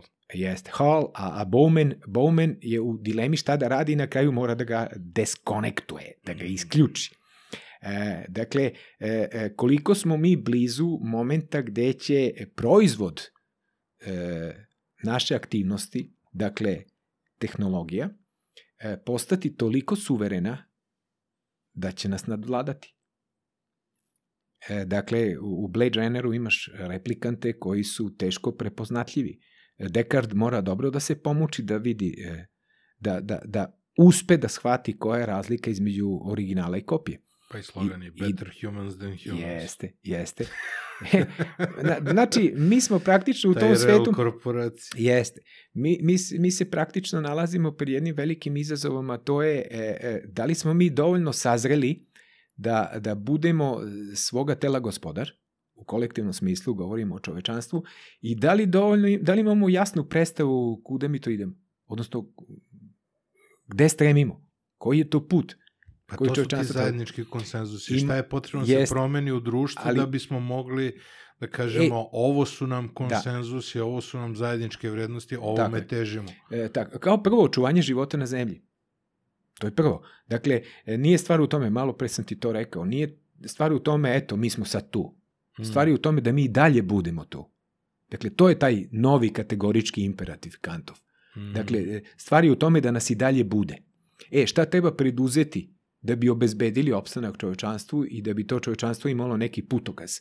E, gde hoće, u kojim pravcem hoće da ide. Ja ne govorim nikada o nekom konačnom cilju. Ja mislim da je u stvari e, e, život i putovanje. Mhm. E, e, e, ne, Nije destinacija. Jeste, nije destinacija.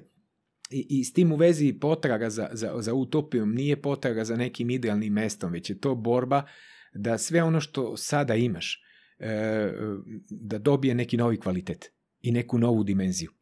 E, malo pre si govorio o, o ja to zovem, odnosno mnogi autori su, čak i postoje knjige sa tim naslovom, tehnofeudalizam. Dakle, s jedne Mhm. strane ti imaš neverovatan razvoj, brz, fascinantan razvoj novih tehnologija.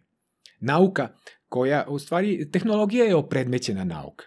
Ono što, što kažu naši, da se ne lažemo, da, da ne bi Mhm. sad tu pravili neku Dakle, na, opred, e, tehnologija kao opredmećena nauka koja je potpuno do, dominant, e, dominira, e, ona je u funkciji kapitala, imaš neverovatan napredak. A s druge strane imaš nazadovanje u, u- na području odnosa među ljudima. Dakle, imaš sofisticirane digitalne uređaje koji funkcionišu na društvenoj osnovi nekog e, postmodernog feuda. Znači imaš Mhm. E, i, i, i, e, znači imaš tehnofeudalizam ili, kako si ti rekao, citirajući Varufahica, Varufahica digitalnu, ovaj, digitalnu, e, digitalnu feudalizaciju Mhm. e, savremenog, savremenog sveta. E, tu postoji još drastičniji oblik, to je izraz koji ja upotrebljavam već duže vreme. E, nisam, nisam još uvijek e, napisao neki članak o tome, ali ovaj, požurit ću da mi ga neko ne ukrade. jel? ovaj, vratit ću se posle na e, autorska prava i copyright i sve to. Ovaj, digitalni gulag. Dakle, nemaš više potrebu da ljude satireš kroz neke kampove i koncentracione logore i da ih kontrolišeš tetovirajući im neki redni broj i klasifikujući ljude na, ne znam, crnce, belce, hrišćane, ateiste, heteroseksualce, homoseksualce, kao što su to radili nacisti u logorima, već da jednostavno ljudima omogućiš slobodu da budu e, zatvorenici e, u haulama koje, u haulama koje oni izaberu. U kavezima, pardon Mhm. koji oni, oni izaberu. Foucault je to primetio još pre dosta godina. Dakle, sve naše slobode su u stvari slobode da možemo da skočimo iz, iz jednog kaveza u drugi. E, I ti, ugla, ti kavezi su uglavnom institucionalnog oblika. Biraš Partija, kavez. Biraš porod- kavez. Pa da, porodica, škola, crkva, partija, sindikat i tako dalje. Dakle, sve te slobodice, slobodice su u stvari skakutanje iz jednog kaveza, e, kaveza u drugi. I to je ta biopolitika ili biomoć. E, malo pre sam ti govorio o sposobnosti kapitalizma da nas više ne eksploatiše samo dok radimo, već čak i kad smo u slobodnom vremenu. Dakle, imaš e, spuštanje kapitalizma u sve pore života gde proces eksploatacije više nije ekonomski fenomen. E, on, po, on ima političku dimenziju, socijalnu dimenziju, kulturološku dimenziju i slično. Dakle, imaš neku vrst- vrstu totalizacije ljudskosti i naravno rezultat je totalitarizam. Ali to nije više onaj totalitarizam Staljinov ili Hitlerov, e, ne, ne mešam ta dva, e, to su dve vrlo različite stvari, Dobro. ali obično, obično kad kažeš totalitarizam u naučnim krugovima, odmah je to Stalin, Hitler i Hannah Arendt. E, a mislim, po meni je to naj, naj, knjiga sa najviše manjkavosti teorijskih poreklo totalitarizma Hannah Arendt. Danas ti imaš jedan drugi, drugu vrstu totalitarizma. Bez e, velikog brata, bez, Ol, bez Orvela. Iako je taj veliki brat neka vrsta e, panoptičkog sveta u kojem smo svi posmatrani i nadzirani, a to je u stvari totalida, total, totalitarizam e, e, neoliberala. E, globalna utopija totalnog tržišta. I imaš, ta, e, imaš taj princip nedeljivosti. Dakle, sve se u stvari svodi kao levak. Sve se svodi na apsolutnu kontrolu kroz totalizaciju tržišta, odnosno zadovoljavanje novo nastalih potreba koje su najvećim delom nepotrebne. To je oksimoron, pa naravno. Tako je. E, e, dakle, e, s, tim, s tim u vezi, e, koliko ćemo mi biti u stanju da, da, e, da sazrimo, e, u onom kantovskom smislu, koliko smo mi u stvari sazreli da bi došli do uh, 1.0, Mm. ovaj, da kontrolišemo uh, ceo taj proces. Jer Walter Benjamin je u nekoliko navrata pisao o tome da uh, put u progres e, nije toliko da mi e, imamo prvo, ne znam, konja, pa onda lokomotivu, pa onda Ferrarija, nego je put u progres u stvari naj, naj, najfiniji, najtananiji deo ideje i puta u progres je u stvari ko ima mogućnost da podigne ručnu kočnicu. Dakle, voz koji sve brže i brže juri. Kako kažem, nezadrživo srljamo u progres. E, jeste, pa imaš taj, imaš ovaj od Paula Kleja, onu, onu čuvenu sliku uh, uh, Angelus Novus, Novi anđeo, Mm -hmm. uh, gde on ima ta raširena krila i gleda otprilike šta se dogodilo.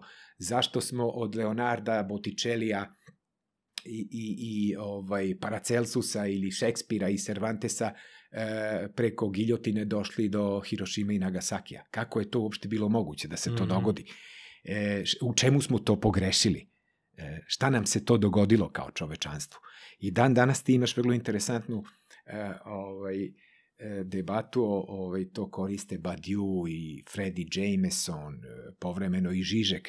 Šta se to događa u umu čovečanstva, kolektivnom umu, Mhm. čovečanstva da nam je mnogo lakše da zamislimo kraj sveta od kraja kapitalizma. Dakle, ti, ti imaš Bruce Willisa koji ide u onom uh, brodu prema meteoru, jel? Ovaj, žrtvuje se da spasi taj Aha, Deep Armagedon. Impact, razum? Armagedon. Mm. Znači, u našim glavama je se odomaćio Armagedon. Ili neka vrsta apokalipse, iako apokalipsa ima tu religijsku konotaciju, dakle, Noeve barke. Nazovi to kako hoćeš. Ali, ali, ali e, ljudima je vrlo jasno u glavi usađena ideja da sa svim je ne bi bilo neočekirano da nas odjednom više ne bude. Dakle, svi nekako imamo tu... To je poenta civilizacije 1.0, da E, treba da dođeš do tog nivoa, E, da možeš pa, to, da pa tu hoću sad konkretno Ako ti dolazi- odgovorim. Ako Da. dolazi asteroid da možeš da, Da, ga preusmeriš, Jeste. ako dolazi bilo kakva ovaj, priča da, Da. možeš da se Da, da, privremeno da imaš neku izmestiš, mogućnost, tako da imaš, Tako je. da imaš slobodnu E, kontrolu nad svojom planetom, S- Sad vidi, tek to donosi dalje. E, sad, ja imam utisak da kao društvo, bre, nismo spremni za te Pa, stvari. pa, a, mo, možda tehnološki jesmo ili, će, ili A smo to, jako to. blizu, ali, ali u smislu nekog svesnog čina. Mm. Pa, pazi, a, setio sam se jednog vrlo interesantnog detalja priče. Pre nekih deseta godina je bilo u modi onaj, sećaš se priče o majanskom kalendaru. A, To znam, kad e da, gledao kraj sveta. Kraj sveta. Kraj sveta, da, to, to, evo sad sam se toga Kraj- setio. Nije, Znači, on nije jednom bio kraj sveta. Da, ja do, došao decembar mesec, ja u Novom Sadu i sad ne znam, neka TV ekipa, njih 30 otišlo na Či- Čičenica, e, Čičenica, Mhm. u, u, na Jukatan da prenose u živo smak sveta. A, jer je, Pa mi ta, sjajna da, priča. um, umesto, umesto tog e, da, se- da se pozabaviš e, majanskim e, računanjem vremena, majanskim kalendarom, šta je izlaziš, kako izlaziš iz jedne ere u drugu i da to, to ti je u stvari ono kao Fukujama, kraj istorije, znaš, o, e, nema više istorije, pao je Berlinski zid, e, predstava je završena, idite svi kupujte i prodajte e, šta god možete. Jeste na neki način nova era, od 2012. Pa, na ovamo. pa naravno, ali, ali, ali nije smak sveta. I Nije. sad ljudi, ljudi su se ono ud- udobno smestili u fotelje i gledaju kako jedna srpska televizijska stanica prenosi uživo smak sveta. Mhm. I to traje 7-8 sati i na kraju 2-3 ujutru i taj čovek iznemogao, pušta mikrofon i kaže imam za vaš lošu vest, nema smaka sveta, idite na spavanje. To mi je super da on ima lošu vest. Pa, to je ono, pa zato smo se okupili, kao loša vest je u tome što vi sad čekate nešto što se neće desiti. Ali u glavama ljudi je sasvim realno da dođe do sunovrata, odnosno da nas nestane. Mm. I sad, ljudi mnogo lakše podnose ideju o smaku sveta nego o kraju kapitalizma. To je najveća jeres. Dakle, mnogo ti je lakše da zamisliš Armagedon, nego da ti ja Da. kažem, ej, više nema kapitalizma. Postoji nešto što je što, što je nešto što je neka vrsta revolucionarne preinake postojećeg stanja gde sada odjednom svi imamo neku e, apsolutnu svest o tome da smo svi braća i sestre, ono Imagine, e, John Lennonovski neki Mhm. svet e, sa harm, harmonijski e, suživot sa prirodom, bratstvo, jednakost i slično. I to je 60. godina, brate, bilo normalno. Danas ako ti izađeš na neki protest e, i boriš se za očuvanje harmonijskog odnosa prema prirodi, za jednakost, za bratstvo, ti si radikalan. Dakle, nešto što je pre 50 godina bilo potpuno normalno, danas je ekces, danas je iskorak, danas je radikalnost. Zamisli koliko je svet skrenuo u desno. Da je mnogo lakše zamisliti kraj sveta nego kraj kapitalizma koji se doživljava kao neka neminovnost i neko prirodno stanje stvari zbog toga što iza njega stoji neka apsolutna racionalnost. A kapitalizam je prepun iracionalnosti. Svet jeste otišao u desno, ali su i levice i desnice otišle u, u, u, U ogromne ekstreme. Ma, nar, ma, na, pa, pa Čak naravno. mislim da su sličniji međusobno nego E, odnosu na pa, centar. Dobro, sada ovaj, ono kao sve suprotnosti se, da, kao suprotnosti se do, do, do, dodiruju i tako dalje. Međutim, a, a, i dalje postoji velika razlika. Ja, ovaj, e, svako ko sebe smatra levičarem, on zna da je levičar zbog toga što nikog ne eksploatiše, živi od vlastitog rada i misli da svet može da bude bolje nego što jeste. Ja se slažem i ja učestvujem sa ljudima na okruglim stolovima, na simpozijumima, na kongresima, gde ljudi traže promene ali traže promene u okviru već postojećeg sistema. Dakle, ne menja institucije, samo menja i ljude koji će izvršiti. Sve će biti u redu ukoliko ljudi, to ti je ta priča koju su nam prodali neoliberali. Ovaj, tržište je sve moguće. E, Sve što vi učinite da bi korigovali nešto na tržištu, to će samo još više pokvariti stvari. Dakle, kapitalizam je idealan, ali ljudi su glupavi, oni ne znaju kako da ga sprovedu, da on bude super, razumeš? Što je potpuno besmisleno. Kapitalizam počiva na privatnoj svojini, na eksploataciji živog rada, na profitu e, i, i, i, i ako mu to oduzmeš, on gubi vlastitu suštinu. A ovo, to, ljudi i žene koji žive u, u, u kapitalizmu, dakle imaš s jedne strane imaš logiku kapitala, Mm. To ti je tržište roba, novac, akumulacija, profit, a s druge strane imaš kapitalizam kao društveni sistem. Dakle, ljudi od krvi mesa koji to žive.